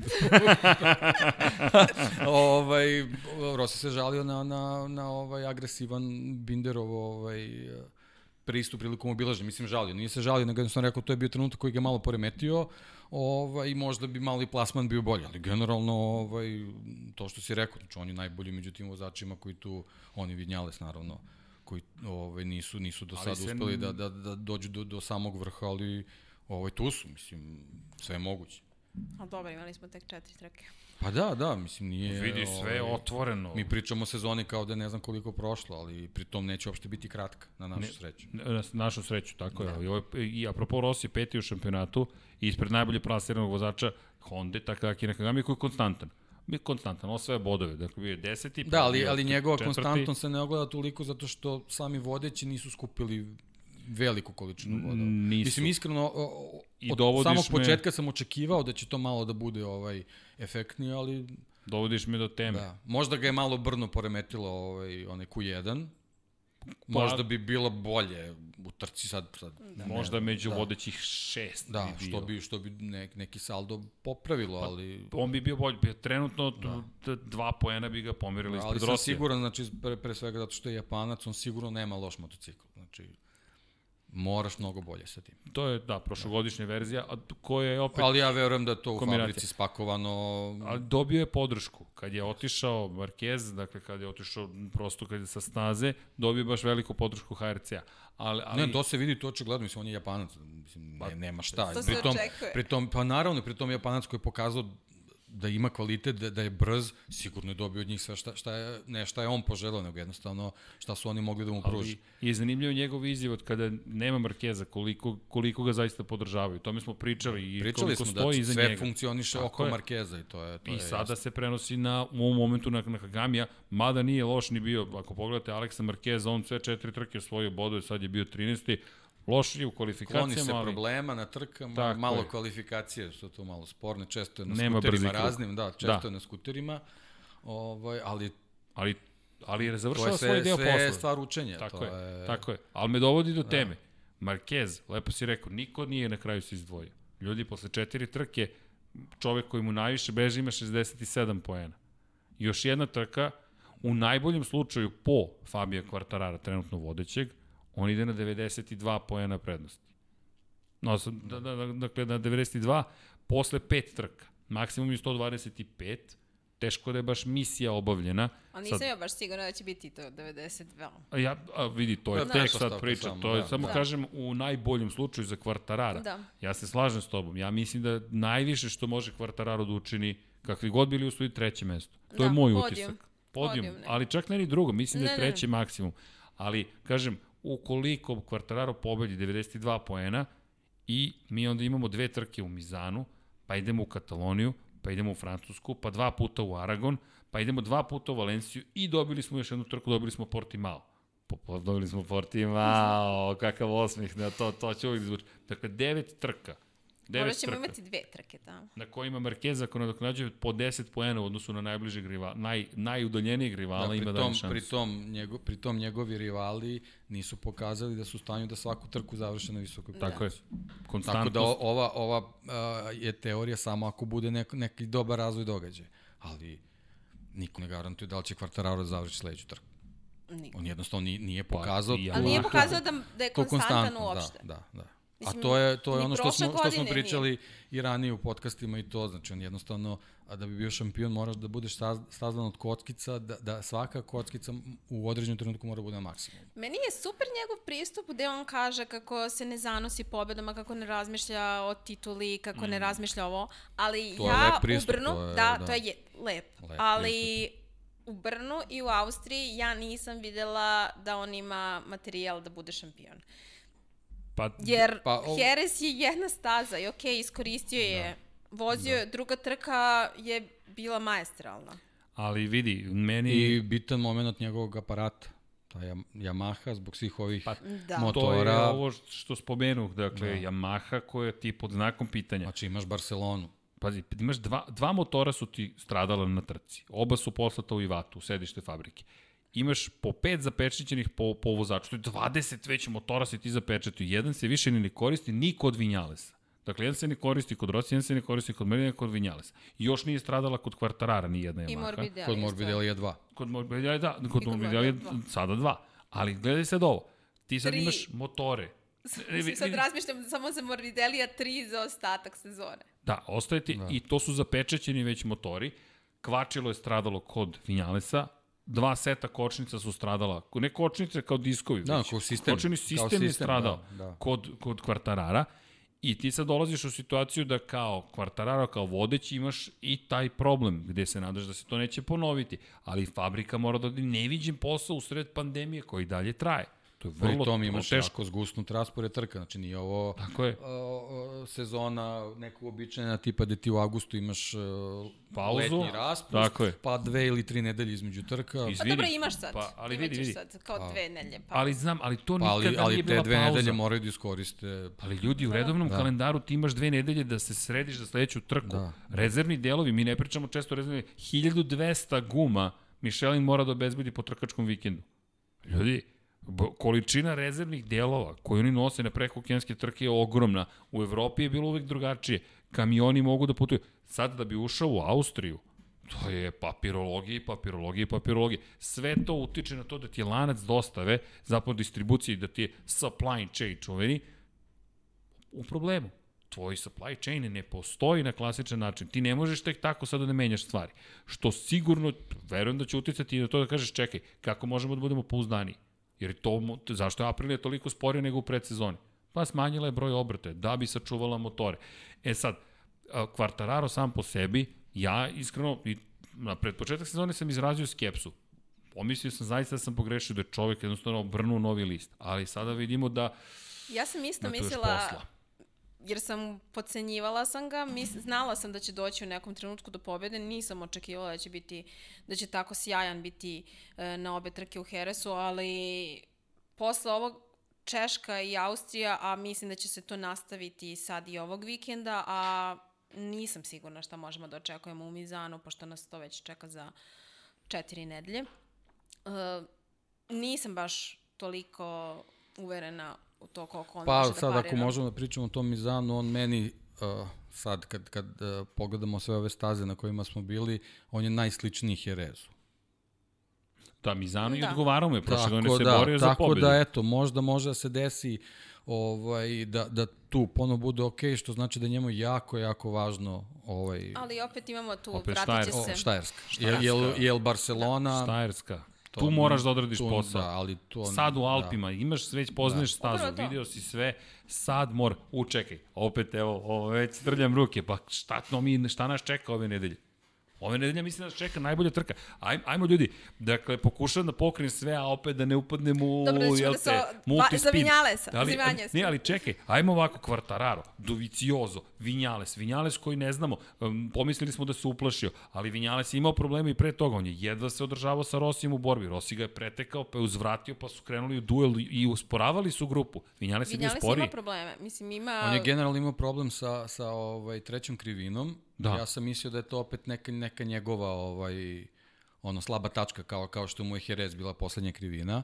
Ovaj, ali očigledno da, da to kvačilo od, samog početka vikenda nije, nije Nešto tu nije funkcionisalo, funkcionisalo, tako je. Jer ne, nemoguće da su se takva promašivanja dešavala. Mislim, jednostavno nije, nije mi... Nije ličilo na njega Nije baš. normalno, da, nije... Ne bilo koga u Da, Moto tako Grand da Prix. moguće da je tu već bio neki problem koji možda bio u nekoj manjoj meri ovaj prisutan, ali ja verujem da su oni telemetrijom to trebali da, ovaj, mislim ne znam šta bi mogli da urade. To je sad pitanje, ovaj Ali- i da su ali opet otkrili, problemi. ali jel opet desila se stvar, njemu tokom trke to proradilo sve. Da, ali meni je već, veći problem da- kod Vinjalesa to šta, šta se dešavalo sa njim u Brnu. Brno On je nestao. Ne, Ne Brno je prva i ogromna budalaština su u kvalifikaciji. Jasno. Znači, kašnjenje na, na, na poslednji krug koji mu propastuje ceo vikend. Znači, to je, ali on je čovjek koji jednostavno kad mu se desi kao, kao, kao kod tenisera, ako ne uspeš da, da, da zaboraviš da si uprskao prethodni poen, izgubio si meč. Ali znači, moraš to, to. pre da zaboraviš gde si pogrešio. On je, Zbog- on je u svim Čekaj. izjavama do trke pričao kako je on, kako je on kriv što je zakasnio na start, kako on kriv na, na, na, ovaj, na poslednji krug, kvalifikacijski, ja sam kriv, ja, Dobro, okej. Da, to je ali- bilo, ajmo, spusti glavu, kreni na Upravo trku. to, on ima ove godine pristup, on kaže imam pristup kao Rossi. Zato što sve neće da se žali, neće da kuka, ne pravi scene u garaži kao što je radio, pošto je mene po, poslednjih godina mnogo podsjećao na Lorenza kada dođe i vrišti na svoje mehaničare. E pa sad, on je rekao ja ću sad da budem kao Rossi, ja ću da se ponašam. Pa nije tako lako biti Rossi. Rossi je došao do tog, toga da se tako ponaša i da izađe i da se smeška svaki put, zato što je imao i rezultate da, koji će to da potkrepe. On to nema. Mislim, ja ne znam, š, mislim, ja bih voljela da mi neko iz Yamahe kaže zašto oni imaju toliku veru u njega. Znači, ja nisam još ubeđena da Maverick Vinales može da parila, ma, ni Doviciozu, a ne Markezu u borbi za titulu. Jer, a opet, Vinjalesu je ova sezona ključna. Zato što on ove godine mora da osvoji titulu. Mora. Zato što sledeće godine mu dolazi Quartararo u tim. I mora da napravi Dobro, ti sebi- vidiš da on osvaja titulu ove Ne, godine? ne. Tako da ja mislim da će Quartararo njega da nje, sledeće godine da bude dominantan sam- i da Ja sam Vinja, Yama, Yamaha mislim da, mislim da je pogrešila što ga je tako rano Pa Pa dobro, vidi, mislim, ali- on, on je ali- brz je, brz je vozač, Brz je, definitivno ali- sve je okej, ali kažem, eto, znači, posle ta dva Hereza gde si ti super prošao, ti dozvoliš u Brnu drugi. takav kiks, mislim, to je stvarno onako Ali zar ti to ne liči na standardnog Vinjalesa? Pa da, Da. ali, ali taj standardni ne može Standardni da osvoji titulu, upravo to što je Jeca rekao. ne, isto- isto standardni Vinales se. ne može da Ne, osvoji ovo titulu. je znači, on mora ključna sezona, nešto. ali, ali on, on Pa dobro, ali neće promeniti. naravno, ali on je potvrđen ali kao vidi- vozač Yamahe u januaru. Ali vidi- Za njega je- ova sezona bila ključna, trajala od marta do novembra ili sad ovako zbrzana u nekoliko meseci. On ja ne vidim, mislim, ja, ja jedino što vidim je e, njegovo smeškanje i da je sve super kad izađe pred novinare na konferenciji za štampu, svaki odgovor na svako pitanje mu je da, tako je. Ja bukvalno pre neki ali, dan nisam htjela da se uključim na konferenciju za štampu da ne bih slušala to. Ali vidi, ajmo da se vratimo i godine unazad i malo unazad i tako dalje. Samo kratko. Dakle, Maverick Vinales Mislim da si istakla suštinu problema ako iznosiš konkretnu stvar. Vinjales pokušao da bude nešto što nije. To nikada ne funkcioniše. Ali 2013. je osvojio titulu u Moto3 klasi tako što je sebi rekao, i pazi, on je vratio čoveka s kojim je osvojio titulu za svog glavnog inženjera prošle godine. Došli smo u situaciju da Vinjales kaže, ok, ponavljam jednu te istu priču. Sve je okej, okay, sve je okej, okay, sve je okej. Okay. Ja sam bio skeptičan te godine da ću osvojiti titulu. Luis Salom, koga smo inače zaboravili da spomenemo, još jedno lice koje smo da. izgubili, još jedno divno, jedno dete koje smo nažalost izgubili. Ali Salom je cele godine bio najbolji i između njega i Rinsa i Vinjalesa se vodila bitka. Vinjales je stalno govorio sve je okej, okay, sve je okej, okay, sve je okej. Okay. I Junkie ja smo rekli, a kad će ovaj čovjek da se iznervira više? Ali on osvojio titulu. U ključnom momentu on nije pao kao Salom u poslednjoj trci. Izuzimam čak i taj incident s Isakom Vinjalesom iz Japana kada je eliminisao sa staze Saloma. Rins nije završio, izgubio je bitku u poslednjoj krivini poslednjih kruga za titulu. Rins je to izgubio. I Vinjales mislim da to pokušao da rekreira. Ali, ako se bavimo, a svi smo se bavili, dakle, dosta čitamo, To je ta čuvena filozofija nerazumevanja zašto sam uspeo. To se događa bendovima. Snime super album i onda pokušaju isti album da snime kao drugi album. Ili snimiš dobar film, onda nastavak ti je zapravo repriza prvog, ali kao malo skuplji i bolji. Me, to je kilavo. E, I imam taj utisak stalno, ali Vinjales je to radio kad je došao Yamahu. Naš prvi šok je bio, čovek sedi na konferenciji za medije i sluša Rosijev debrief. Pa kako misliš da pobediš jednog Valentina Rosija ako mu pokazuješ da ti zapravo gajiš strahopoštovanje prema njemu? Nećeš nikada se to desiti. Zato mislim da se vraća na ono što si ti, to mi sad ideja. Rekao za Dovi, savršen vozač broj 2. I moje mišljenje je da Yamaha ne očekuje od Vinjale sa titulu, nego da bude konstantno tu negde a da je Quartararo izabranik koji će osvajati titule. Problem je što Quartararo, iako kažeš da ne priča o tituli, njegova najsvežija izjava je smatram da je Doviciozo meni veći rival za titulu od Vinjalesa. Pa, dobro. Quartararo, da. Fabio. Fabio, tvoj najveći rival, jeste pa dobro, on je u takvoj Mar poziciji. Marquez. On je u takvoj poziciji sad da, da i, i priča o toj situaciji. Ali baš ali, upada, da, ali, ali da. ljudi imamo još puno trka. Ali kako da vam kažem, Mark ne, Marquez najgore... samo sedi kod kuće i gleda i smeška jeste, se. Jeste, ali, ali tu je jako bitan detalj, mi ne znamo kad se on vraća. E, to je tačno. To mi ne znamo dalje mi zano... Mi ne znamo prirodu Tako je. tog nerva, kakva je trenutna situacija. To jeste. Niko nam ne daje informacije. Mi negde verujemo da li bi on možda da igrao doći. psihološku igru da je okej okay da se već šeta malo tamo po tim paducima i da je u stanju? Ne znam. Ne Ali znamo, po, ja, moje, moje iskustvo sa njim je sledeće. Ne. Ne, pojavit ću ne. se Kad budem... kao imperator. Doći ću i onda ću da vas pobedim. To mislim da je njegov rezon. E, sad je samo uspeti. pitanje uh, kalendara. Kad Ali mi imamo, mi imamo do sledeće trke imamo, znači do do prvog dana trkačkog vikenda imamo još tri nedelje do Mizana. Da. Tako da mislim da je i to više nego dovoljno. On će svakako pokušati. Ali vidi, to, i ja, ja, ja sam skeptičan. Doći. Ali, ja ono što je moje, mislim, moj, ja imam veliki problem sa onim što se desilo ovaj, pred drugu trku u Heresu. Ja stvarno, sad čekala sam da kažem to. E, oni njega pregledaju kako radi trbušnjake, kako radi sklekove, kako radi ne znam što još. Hoće li oni njega poslati kod psihijatra? Mislim, hoće li bilo koga Čekaj. poslati kod psihijatra pa, da vide da li je malo on normalan? Pa vidi, da li bi ih onda zašto? pustili da voze? Ne, ne, zašto? Slušaj, on je tu pretnja i po sebe i po druge.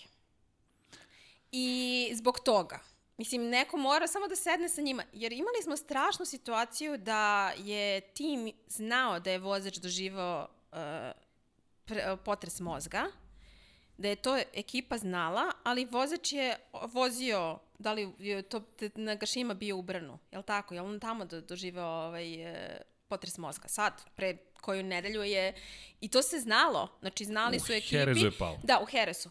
I onda je Aki Ajo rekao da, pa dobro, nema veze što je doživao potres mozga. Mi dolazimo do to da, da vozači neće da kažu da se to desilo kada ih lekar pregleda. Da li očekuješ da oni Da li u bilo kom sportu očekuješ da će neko od njih da Ma prizna? Da, to je na lekarskoj službi, oni to to, moraju to, Pa da... znam, niko neće ali- priznati. Znam, ali A vidi, tražiš pretnje su i po odgovornost. jedni i po sebe i po drugim. Ali ajde, vrati, ajde se A opet već je opasan sport. A- Ajde da se Pa do... ne, ova situacija što se desila na, na prošloj trci, mislim da će malo da, da osvesti Sad. neke, ako je, ako je neko ovaj to odgovoran trenutno, to. ljudi. Pa jeste, ali ovo je baš bilo... Kad onak, god se e, desi- a, kako bih rekao? Da, ali u takvim situacijama... Dobra stvar u ovoj situaciji je što, što se ovo desilo Valentinu Rosiju. Ja mislim da on to neće pustiti da to tako prođe. A, e, zapravo, e, to je zanimljivo što si spomenuo. Svi koji su videli zapravo činjenice da se desilo, da je moglo da se desi Rosiju, čini stvari toliko većim, jer većina ljudi je samo videla da se Rosiju desio Da. incident. Čak i mi nismo odmah bili svesni Ja šta sam ti je prvo efekat. mislila Rossi ali- i onda kada je bio sledeći snimak, ti si onda rekao, a pogledajte Vinjalesa. A da, to ti je efekat uh, To je podsvesno, Valentina Rosija. je, to je to. Jednostavno, Rossi i Marquez su najveće zvezde. Rossi je najveća zvezda. Dakle, ubedljivo najveća zvezda koja postoji u motociklizmu. Ubedljivo. Dakle, i ovo nije pitanje navijanja ili ne. Uostalom, slušali ste prethodni podcast gde su me optužili da treba zavesom, zastavom da se zapravo ogrnem. Ali pojent je u Zar nisi ti sledećem. storerovac? Da, je, ni, niko još me nije optužio za stonerovizam za, u, u, u, u, u ovoj novoj eri, ali su me kritikovali kako ga previše Misliš u obožavam. poslednjih ono kao 8 godina. Pa da, od kad je otišao, ali... u stvari mislim da je neko spomenuo da je moja nepreželjena ljubav, ali da, činjenica je da... Ali ja znam za koga ti navijaš. Ok, Imamo i dokaz liku. Hoćemo da otkrijemo. otkrije ako želiš. Ali... Troy Bayliss. Da, da, to je, obožavam Troja Bailisa, apsolutno, i da se vrati danas bi otvoreno navijao, ali nisam siguran da je to izvodljivo ikako. Ali Čovek, je vo, čovek vozi i dalje. Što A dobro, vo, vidi, u MotoGP je malo teže. Da, ali vidi, da. point je sledećem. To što si, to si divno rekao. Grozno je, ali istovremeno toliko divno tačno. Rossi je bio u centru pažnje.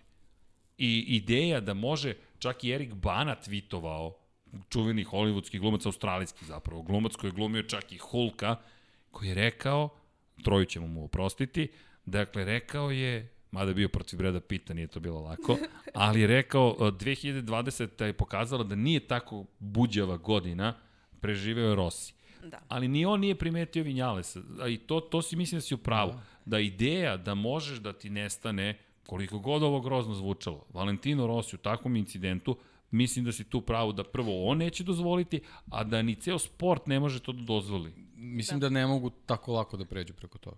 Ako se to desi, onda stvarno... Pa ne, vidi, to je Da, onda, onda tapkaš u mestu, vraćaš se Surovo je, unazad i čekaš surovo. da se desi tako ponovo neka surovo. grozna situacija koja će diskreditovati šampionat potpuno. Meni je A sad apsolutno si u uzlazu popularnosti u svemu.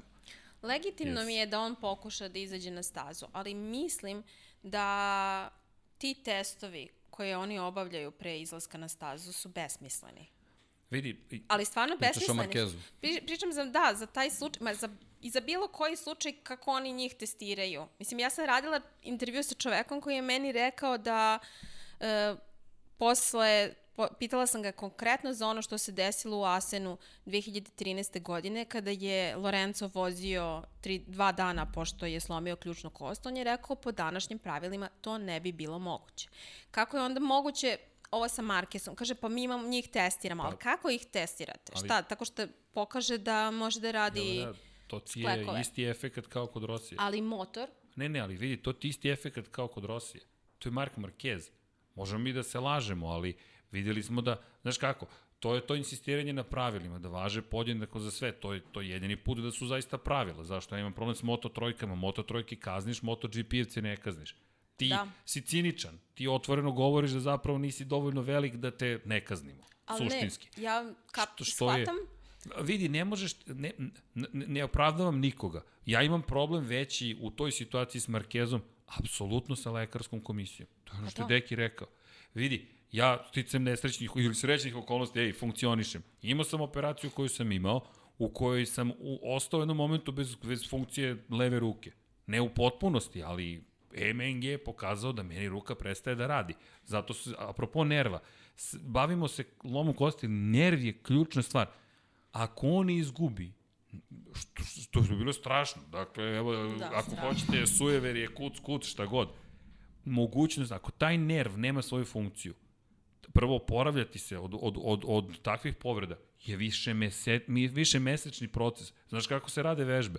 Tako što guraš ruku u hladnu i toplu vodu, onda ih zameniš. To ti je vežba za nerve. Zato što tako zapravo šalješ signal koji će da ti aktivira nerv.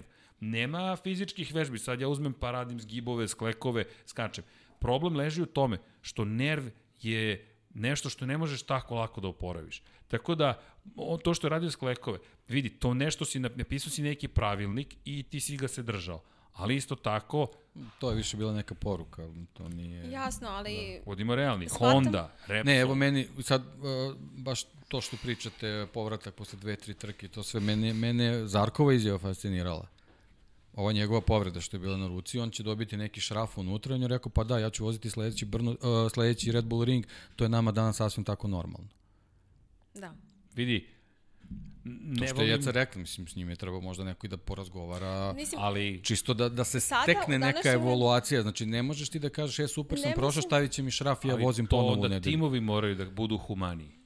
E pa to je sad Humani. stvar tog nekog dogovora, te neke priče. Ali vidi, ali, ali to je pritisak... Ima, ima, bi bila je i rasprava to na na Twitteru David Emmet i još neki ljudi su pričali o tome kako bi možda tim trebalo posle svega što se desilo u nedelju da obezbe, timovi da obezbede možda vozačima e, nekog e, psihološku, psihološku podršku. podršku ili ne znam što još. Onda je rečeno da ne može, da nije na timu da to obezbedi iz prostog razloga zato što tim je onda taj koji je platio tu osobu. Pa ne, ali to treba da I bude jeste. treba da bude nezavisno da, da, telo kao što imaš treba, kliniku mobile to, i to je to. Upravo to, to treba da bude to nezavisno telo stvar. i mislim da u sportu je danas uh, sportski, mislim, sportska psihologija je sad posebna grana psihologija postala poslednjih godina. Mnogi sportisti idu kod psihologa i to nije nikakva sramota, to je nešto što treba A, da rade. Ne, ne, i znaš kako, možemo da damo neki, neki onako konkretni primjer, imaš borilačke sportove, niko iz ugla ringa ne dolazi da procenjuje da li bokser ili, ili neko drugi može da nastavi borbu, Tako nego je sudija taj koji odlučuje ili, ili ako sudija pozove lekara koji tamo sedi za Tako bojicu je. boksera je tu, on će da proceni da neko treba. Imaš Tako lekara je. koji je zadužen samo da proceni da li imaš potres mozga. Ali on nije deo tima, nego je deo te utakmice. Mora bude nezavisno Tako telo, je, nezavisno suprotno je da diskreditovan Tako da to je, to je vrlo jednostavno, ali mislim da bi, da bi u ovom slučaju i takve stvari trebale da, da se... To, bi, to je nešto što bi morao, ne, nema veze. Meni je Mark Marquez zbog toga što je on pokušao tog dana apsolutni heroj. I apsolutno mi je drago zbog toga što je on priznao da ne može. Pokazuje da je jednostavno čovek, da nije nikakvo nadljudsko biće u tom trenutku. I e, bilo bi fenomenalno da je on mogao da vozi to drugu trku. I da osvoji neke bodove i da pokaže tu sam. I žao mi je što se desila ta nova povreda sa tim kliznim vratima i ostalo, ali to je možda i pokazatelj njegove preterane želje da se vrati, jer mi imamo samo informaciju da je on tako... Pa dobro, on je sazdan od takvog materijala i to je, mislim... Ali ajmo, ajmo ovako. Meni bi sve druga, drugačije bilo čudno. Apsolutno, nego samo kažem da bi da cela ta procedura proveravanja da li je neko spreman ili nije za povratak jasno, na stazu jasno, da. treba ali, da izgleda drugačije. Ajmo ovako, ali tu se vraćamo opet na ono što smo pričali. Ovo je prilika upravo da se te neke stvari uradi. I ovo, činjenica da mi vodimo ovu diskusiju i pogledaj koliko se bavimo svim onim što se dešavalo. Iako smo prošli kroz šampionat i činjenica je da, iskreno ja sam ponosan na, na sve Dakle, i na Džankija posebno, koji čovjek se ozbiljno potresao. Izvinjavao se što je imao tako, Ali nije tako bilo potrebe. Nema potrebe. Nema potrebe, apsolutno. Apsolutno ne. Ali čemu, šta hoću da kažem, ljudski život je najvažniji. I ja se slažem, ali to što je David Emmet poveo diskusiju, to što Rossi će da vrši pritisak, to što Morbidelli traži, što se od Zarka traži da komunicira, što su pozvani svi da ponovo razgovaraju, pa u krajnjem slučaju što se i Red Bull pojavljuje u negativnoj konotaciji. Zašto? Pa čekaj, ako pričamo o robnoj marci, ti si sada sebe doveo željom da promovišeš Red Bull, budimo vrlo direktni, ja ću makar biti, dakle, pojenta je da sad ti moraš da kažeš, čekaj, da li ja štitim sad svoju robnu marku ili ne? Ili će Dieter Matešić da kaže, slušajte, Ovo je prevelik reputacioni rizik. Hoću da se staza sredi. Jer i to je bitan moment moći. Jer ko može da sredi Red Bull ring? Pa, Ne, Red hoću, Bull. hoću da krenete u, u, u istraživanje da vidimo šta možemo je. da uradimo s tom Studija stazom. izvodljivosti. Zato Niko ne kaže Tako je. sad stavite kaknac na Red Bull. Ne, ne, ne, ne, ne, nisam to ni rekao. Uostalom, do jednostavno- naredne trke Da. imaju, mislim, Nego do kako da naredne te unap- velike kako da ga trke unapredimo? imaju skoro godinu dana. I ovo, nažalost, kao u avionskoj industriji, kada se dese incidenti, to ti je prilika da ozbiljno Ili napreduješ. nažalost u Formuli 1. Ili nažalost u Formuli. Kad god se dese, udesi, Nešto, sam- nešto, nešto mora da se promeni. Tako je. Pa i E, sreća, Oreoli sreća, rezultat da, toga. sreća, ovi udesi nisu imali crne ishode i Ajmo i- da ih iskoristimo. I baš to moraš da iskoristiš Tako da, je. da, da ovu situaciju ovaj, okreneš u svoju korist. A da okrenemo sada na ovaj lepši deo priče, samo kratko. Jer ako ja ponovim imena svih u Moto Grand Prix i kažem svako od njih može da pobedi, mislim da ću istaći već očigledno, ali to je samo poziv ljudi da, da, da ja, ja, neki ljude nismo spomenuli, ni makar ne dovoljno, ali oni će ima igrati ozbiljnu ulogu. Ja mislim da treba pratiti Miguel Oliviru ponovo, mislim da će imati super trku, Pole Spargaro mislim da će biti dobar, ali bih se dotakao samo još, još par stvari. Dakle, Moto dvojke i Moto trojke uvek zapostavimo i znam da već trajemo, ne znam ni koliko, Da, da. Vanja je već oguglao, dakle kad uđemo u treći sat on čovek... On je još tu sa nama. da vidi, ne, ne, ne, ne pitaj. Ali šta je pojenta? Luka Marini, jedna pobjeda, dva druga mesta, jedno četvrto, jedno bez plasmana, pet pojena ispred Denija Bastini koji napravio zaista iznenađujuću grešku. Baš iznenađujuće i, i Bastini se izvinjavao za incident. Ja se nadam da će biti dobro nekako crn mu Red Bull Ring. Prošle godine ga je izbacio sa staze Ćave Vjerhe, posle toga psihički nije pored, stalno pričao to nepravda. Ali mislim da tu imamo vrlo lep šampionat Da. i da treba da vodimo računa i o Jorgeu Martinu Semu Lowsu. Da. Jel, jel imate taj utisak? Ne, sve si rekao, ja ću samo kratko, o, o, od svih imena što spomenuo, meni je Bastianini Pik. malo iznad. Da. Malo iznad ostalih, ovo je sad malo poremetilo, ta greška onako baš bila. Ve, velika za njega. Ne, ne šta se dešavalo posle, nego sama ta greška jeste. je onako baš bila bez veze. Nekarakteristično Ovaj, posle ali i dalje mi je on onako broj jedan, a što se tiče trojki, mislim tu je jasno. Ovaj. A Renac, a pazi, a trojke... Je, on, on je toliko iskusan u, u celoj toj priči da. da ja ne vidim, mislim, pet trka, tri pobjede, jedno drugo mesto i jedan da. pad. I A- povređen. A, a i Da. trke su i dalje Povređen na posljednje sjajne. dve. Mislim, Da. po, E, jedino povređen što je- ono, sa početka, mislim da mu uopšte nije mesto tamo, ali...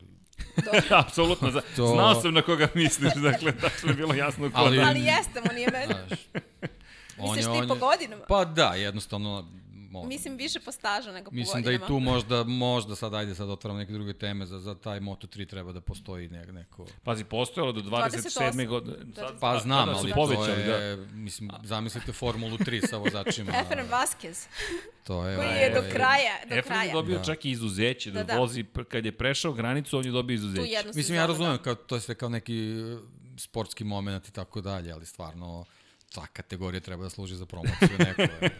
Ali kad bismo imali onda Japance 90-ih, specijaliste za 125-ici, Pa dobro, sećaš se, ranije je bilo se. ono Wayne Gardner stiže s 507 na 250. Čekaj, ali to... Bilo je toga, ali, Bilo je. ali 250 je tad bilo ne, neka... Dobro, 250 su bilo ozbiljna to, je kategorija. to je to, ja bi sad voleo da vidim nekog sa MotoGP-a da sedne na... na Da, da, bilo nego sad ne može zbog rasporeda, ranije se 250, ne znam da li to slušalci znaju, pretpostavljam znaju, vozilo se posle 500 kubika. Da, da, da. da. Tako da si imao Raspored priliku. je bio da, drugačiji. Da, da, da. I, i on, Sećam se da je Gardner u istom kombinezonu vozio. ali to je, Otvori flašu vode, istrese, obriše se i seda i na 250. E, a to je bilo jedno pitanje zašto da. se voze Moto dvojke posle. Uh, jedan od razloga trenutno je zato, da, zato što Moto Grand Prix trening mora da bude u 14 da. časova kada se održava da. trka i onda da bi se sve uskladilo i pre podne da bi imao neki svoj ritam ide Moto 3, Da, Moto u GP, slučaju Moto 2. nepredviđenih stvari... mora da MotoGP ostavi, je taj koji vodi glavnu reč. Da. Što se tiče Moto2, um, pa ja tipujem na Bastianinija takođe. E, mislim da Lowe's može da bude sjajan u narednim trkama. E, iznenadilo me je to koliko je konstantan s obzirom na to da smo navikli kada je bio pred, pre ono njegove jedne sezone u aprili u MotoGP-u sećamo se da je imao toliko uspona i padova. Mislim, jedino mi ovde trenutno padava Jonas Folger isto sa takvim nizovima od sjaja do očaja i na jednoj trci pobedi, na sledećoj iz- izleti ono u prvoj krivini otprilike. E, volela bih da imamo sjajnu borbu do samog kraja.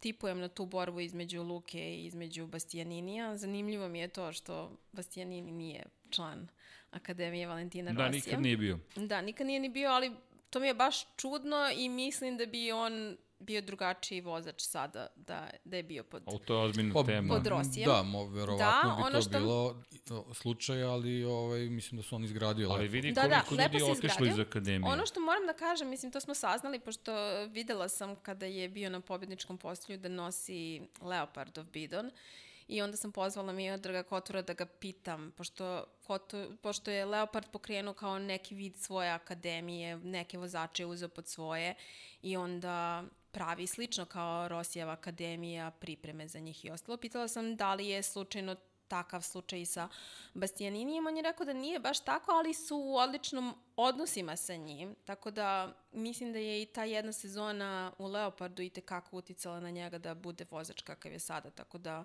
e, ima dobar Možda je tu uticaj. naučio malo Da. oko organizacije. Da, utica... Kultura može da se nauči. što, ono što, smo, što smo pričali što Tako je, nekim, tako je. nekim Da. zrelim, da kažeš, Upravo vozačima to. koji su otišli dalje nedostaje. Meni deluje poprilično zrelo u poslednje vreme, tako da Pa- tu se vidi taj uticaj. A, apropo, izvini, apropo Leoparda, smijem se zato što je Kotorov stavio je vrlo jednostavno. Naš posao je da vozač misli samo na vožnju. Upravo to. Da to mi, da, da ne razmišlja ni o čemu drugom, ali to se tako redko dešava.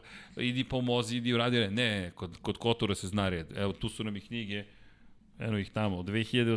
15. 16. 17. nam je kod Dragana, ali, ali čekamo Eno te monografije, ne- to, jest su lepe tamo stvari. još jedna. Ali, apropo ovoga što si rekao, da, sigurno je to naučio. Dakle, to je zašto uh, svojevremenost i zašto sam ošto skeptičan prema Kvartararu u toliko dugo, i to stalno ponavljam, mir, dok je bio u Leopardu, gledaš ozbiljnog toga. momka, se sećaš scene, Da, da. sedi i ozbiljan je. Kvartararo i u to vreme Andrea Locatelli na zadnji točak podižu bicikl i nisu na debriefingu, ne sede u Leopard Eno Racingu. šetkaju po padoku Tako je. voze. Tako je. I to je taj pristup, zašto je Mir toliko, Kvartararo sada uz Zilenberga, uz Vilka Zilenberga, mislim da stiče to, vidjet ćemo da li će uspeti da, da stekne i hoćemo... I Mada, Moto3, nisam Sa- rekla za Moto3. da, da, jel imaš neki drugi tip? Pa, trenutno mi je, mislim, meni je Arenas impresivan. nam je Arenas. Impresivan. Posebno kada znamo, mislim, ko nije video, a i ko nije nešto, ko me ne smeta tako, neka pogleda kako je izgledala njegova noga. Uh, posle onog pada na velikoj Jeste. nagradi Andaluzije, dečko je vozio posle povređen, mislim, još, još se nije potpuno oporavio. Uh, Mene Moto3 svake godine i na svakoj trci impresionira zato što mi skoro nikada ne znamo ko će biti prvi u posljednjoj krivini, tako da mm, to je ono što je zabavno i što je čar Vidi, Moto3. sad, sad počinjemo da znamo, dakle, to je pro... Da, on, on jednostavno Da. koristi Ali svoje on- iskustvo za, za tih Da. poslednjih par stotina On metara i to je baš fascinantno. On da, bude osmi na pola kruga Da. u posljednjoj Lepo zna da se, sad zna da se postavi, zna da odigra do samoga kraja. Mislim, Da. naravno, kao i ovi drugi šampionati, mnogo trke još ima do kraja, ali ovaj, Deluje ako, ako, impresivno. on, ako on bude gradio svoju formu u zavisnosti od ka- kako bude bio zdraviji, Da, mislim da... voljela bih da vidim, e, na primjer, da se i Suzuki ube, u, u to jest, Pa oba Suzuki Japanca. jest tu, da, i oba ugura Japanca. Da, da, da. da, Srđanov, Vidi, Srđanov a lik. ja sam tipovao da će Ugura da osvoji titulu. da. Dakle, zašto? A Zato mora, što... mora pod hitno da pobedi. Da, ono što je meni Da. malo iznenađujuće Da, je mora, da- mora Arbolino. da. Mora da pobedi. Arbolino mi je iznenađujući, pošto sam nekako malo više, posle one prošle sezone, očekivala malo više od njega.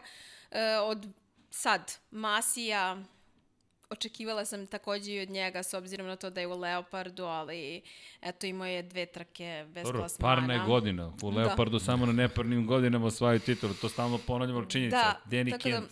John 2000. McPhee mi je ono velika nepoznanica još. Da, Jer- pokazuje da može mnogo, ali... Ali... Ne. Ali i hoće mnogo, Ali- pa onda i Hoće, pa pa onda da, ne tera. da, Ali ima bio i- sam fin. Ali ima je, ima je jednu grešku. Ajmo, Da. ajmo u, u Herezu kada je pokušao da kada je i tim rekao i zadovoljni smo što si pokušao. I onda je prestao da pokušava te banzai manevre, a ostao je bez poena. Međutim, dva druga mesta, jedno treće, jedno peto. McPhee u Plus Petronasu... taj, taj pad i to bi bilo baš, baš dobra zalika. čekamo Ali sad- dobro, okej. mislim, Ali dobro vozi. to je A okej. čekamo i je Suzuki-a da ponovo iskritikuje e, Paolo Da, Simoncelli. da, da, da, pa, ali vidi, ja, ja, ja bih se vratio samo na sekund na Oguru i ovo što si rekao. Oguri da nedostaje pobjede, to se vidi psihološki da jednostavno i da je Da, nezadovoljan bit će treće lakše mesto odmah Brno. posle toga. Da. Tako je, da slomi znaš, ti to. Si, ti si to, to je Jeca rekla, znaš, oni su stalno tu i ti se napinješ, tu si, ulažeš neki trud i, i nikad nisi taj koji, je, koji prolazi. da ne bi to- Mislim, nikad, nije to sad, ne znam koliko trka bilo, ali, Pa, da, ali, ali odlaze, odlaze trke, odlaze bodovi. I, i onda dođeš A do... jedan čovek skuplja kajmak. Seti se Aleksa De Angelisa, koji je bio večiti drugi. Jednu pobedu zabeležio 125 kubika. A Godinama. stalno je bio tu. Čekali, Stalno čekali. tu bio. I usled 250, izvinjam se. Pa uvijek I onda imaš, imaš te vozače gde imaš utisak kao da su pobeđivali, ali samo su na podiju. Aleks je više u moto dvojkama slavio. Nego. Imam samo jednostavno, imam pitanje za Vanju. Italija ili Španija, Vanja? Ti ćeš pomoći da, da, da... Italija, okej. Onda dobro, jer meni su Marini i Martin zapravo pikovi za titulu. Dakle, koliko Bastianini da je, da je fantastičan, mislim On ostavlja da... takav utisak. Da, ja, da, sam, da. ja sam iz tog razloga ovaj, Mislim da Martin spomenuo. može da, da, da odigra veliku ulogu, da je Martin baš ozbiljan vozač, ne samo što je za KTM, već generalno cela njegova priča i godinama unazad i ima titulu u Moto Trojkama da može da odigra ozbiljnu ulogu, ali Marini koji je rekao, evo i Vanja je rekao Italija, dakle Marini pa, koji je rekao da je zapravo nezadovoljan i da motor još uvijek ne funkcioniše kako treba bio je drugi.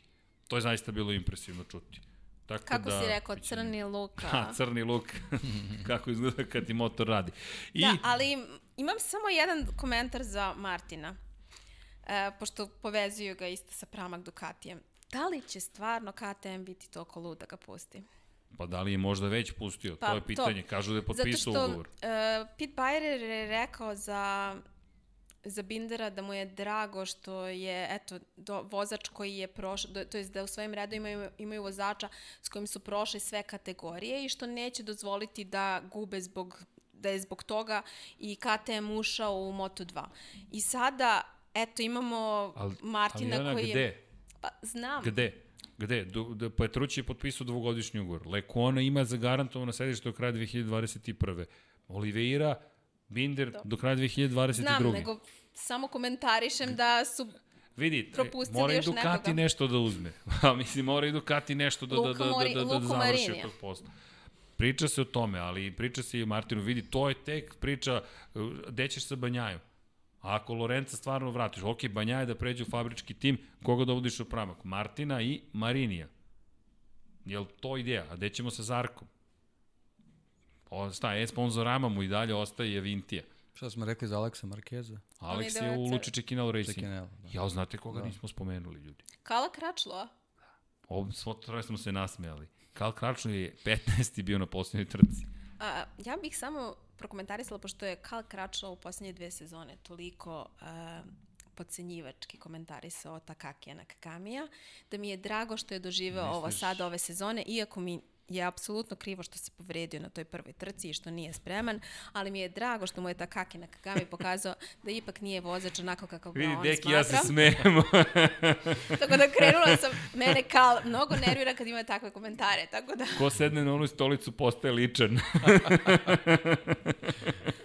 dobro, šta vi Mene je kažete? sve okej. Okay. Viktor Savić je bio prošle nedelje, tu je bio I mi se trudimo i trudimo, ne ne ne dakle. Slušaj, ovo nije Ne navijački. Ne bi se rekao da je navijački, ali dosta je samo- ovako lični moment. Pa da, ali stvarno Ej, mislim da je, poštujemo, mislim to je ne, stvarno podcast. mislim da je, da je preterivao tim svojim komentarima kao da je, Vidi, čudno kako mu se sveti sada cela situacija. da. I bez obzira na povredu, Takaki Nakagami koji vozi sjajno, Kal je dobio otkaz. Kal, sada kada je Doviciozo otišao iz Ducatija, bi mogao da ostane bez tog ugovora sa Aprilijom. Da. Aprili se odjednom otvaraju mesta. Da, to, to će morati sačekam. Mislim da to neće ovaj, preko noći biti rešeno. Da, da. Vezano za april. I Ducati, to je Doviciozo, možda ode u MXGP. Možda će da najzad sede na motocross. E, To mi je divna scena iz filma u On Dontidu, kada, kada mu neuropsihijatar priča da na magnetnoj rezonanci, kada mu puštaju scene, kada mu govore o, moto, o motokrosu, je najsrećniji. I kaže, i on kaže zgore, kaže, toga nema u MotoGP. Tamo nema sreće. to ti govori čovjek koji vozi za... Do... I on, on se ne osjeća srećno. Tako da ko zna, možda na Pa motokrosu zbog stvarno toga sam ti re, zbog toga sam ja i rekla da mislim da je donao pravu odluku zbog sebe Dobro, da znači ključna osoba je Doviciozo. Da. Sledećih nekoliko dana To su domine. njegov potez je ključan. I za kraj, ko pobeđuje na Red Bull ringu za velikoj nagradi Štajerske u Moto Grand Prix. Ovo je, ljudi, nemojte ozbiljno da shvatite. Niko, molim vas, kogod sluša i kogod ovde sedne, to je be, besmisleno o tome pričati, ali evo, kajdemo, dajmo da se igramo. Pa mislim, nema šta, ove, Ducati su favoriti, ali eto, ja bi da bi se malo zakola situacija, voleo da neki od Suzuki bude prvi. Uh, ja sam već rekla Pole Spargaro, ali Nisam baš sigurna. Ali... Po kiši, Brad Binder. A ovo uzela si mi pik. A, uzela si mi pik, reću tako da se Ako, igram. to je po kiši. A po suvom? Pa po suvom Dovicioso. Doviciozo. Ok, pošto mi je uzet Bad Binder, Joan Zarko pobeđuju nedelju. Dobro. Povređen? Joan Zarko pobeđuju nedelju. Niti mi bih završio Lab 76 broj 23. Počeli smo Zarko. Vidjet ćemo da li će biti 24. posle ove izjave. Ali šalno na stranu, ljudi, eh, hvala vam. Hvala za Hvala odvojeno vreme. Hvala tebi. Baš je čast i zadovoljstvo biti sa vama u studiju i naravno nadam se da se vidimo uskoro ponovo. A sve ostale pozivam naravno što da prate Lab 76, tako i da prate naravno trke Moto Grand Prix na sport klubu. Jao, kakav će da bude vikend, jedva čekam. Ali imaš samo MotoGP, Moto2, Moto3, nemaš Formulu 1. Kakvo razočaranje u glasu.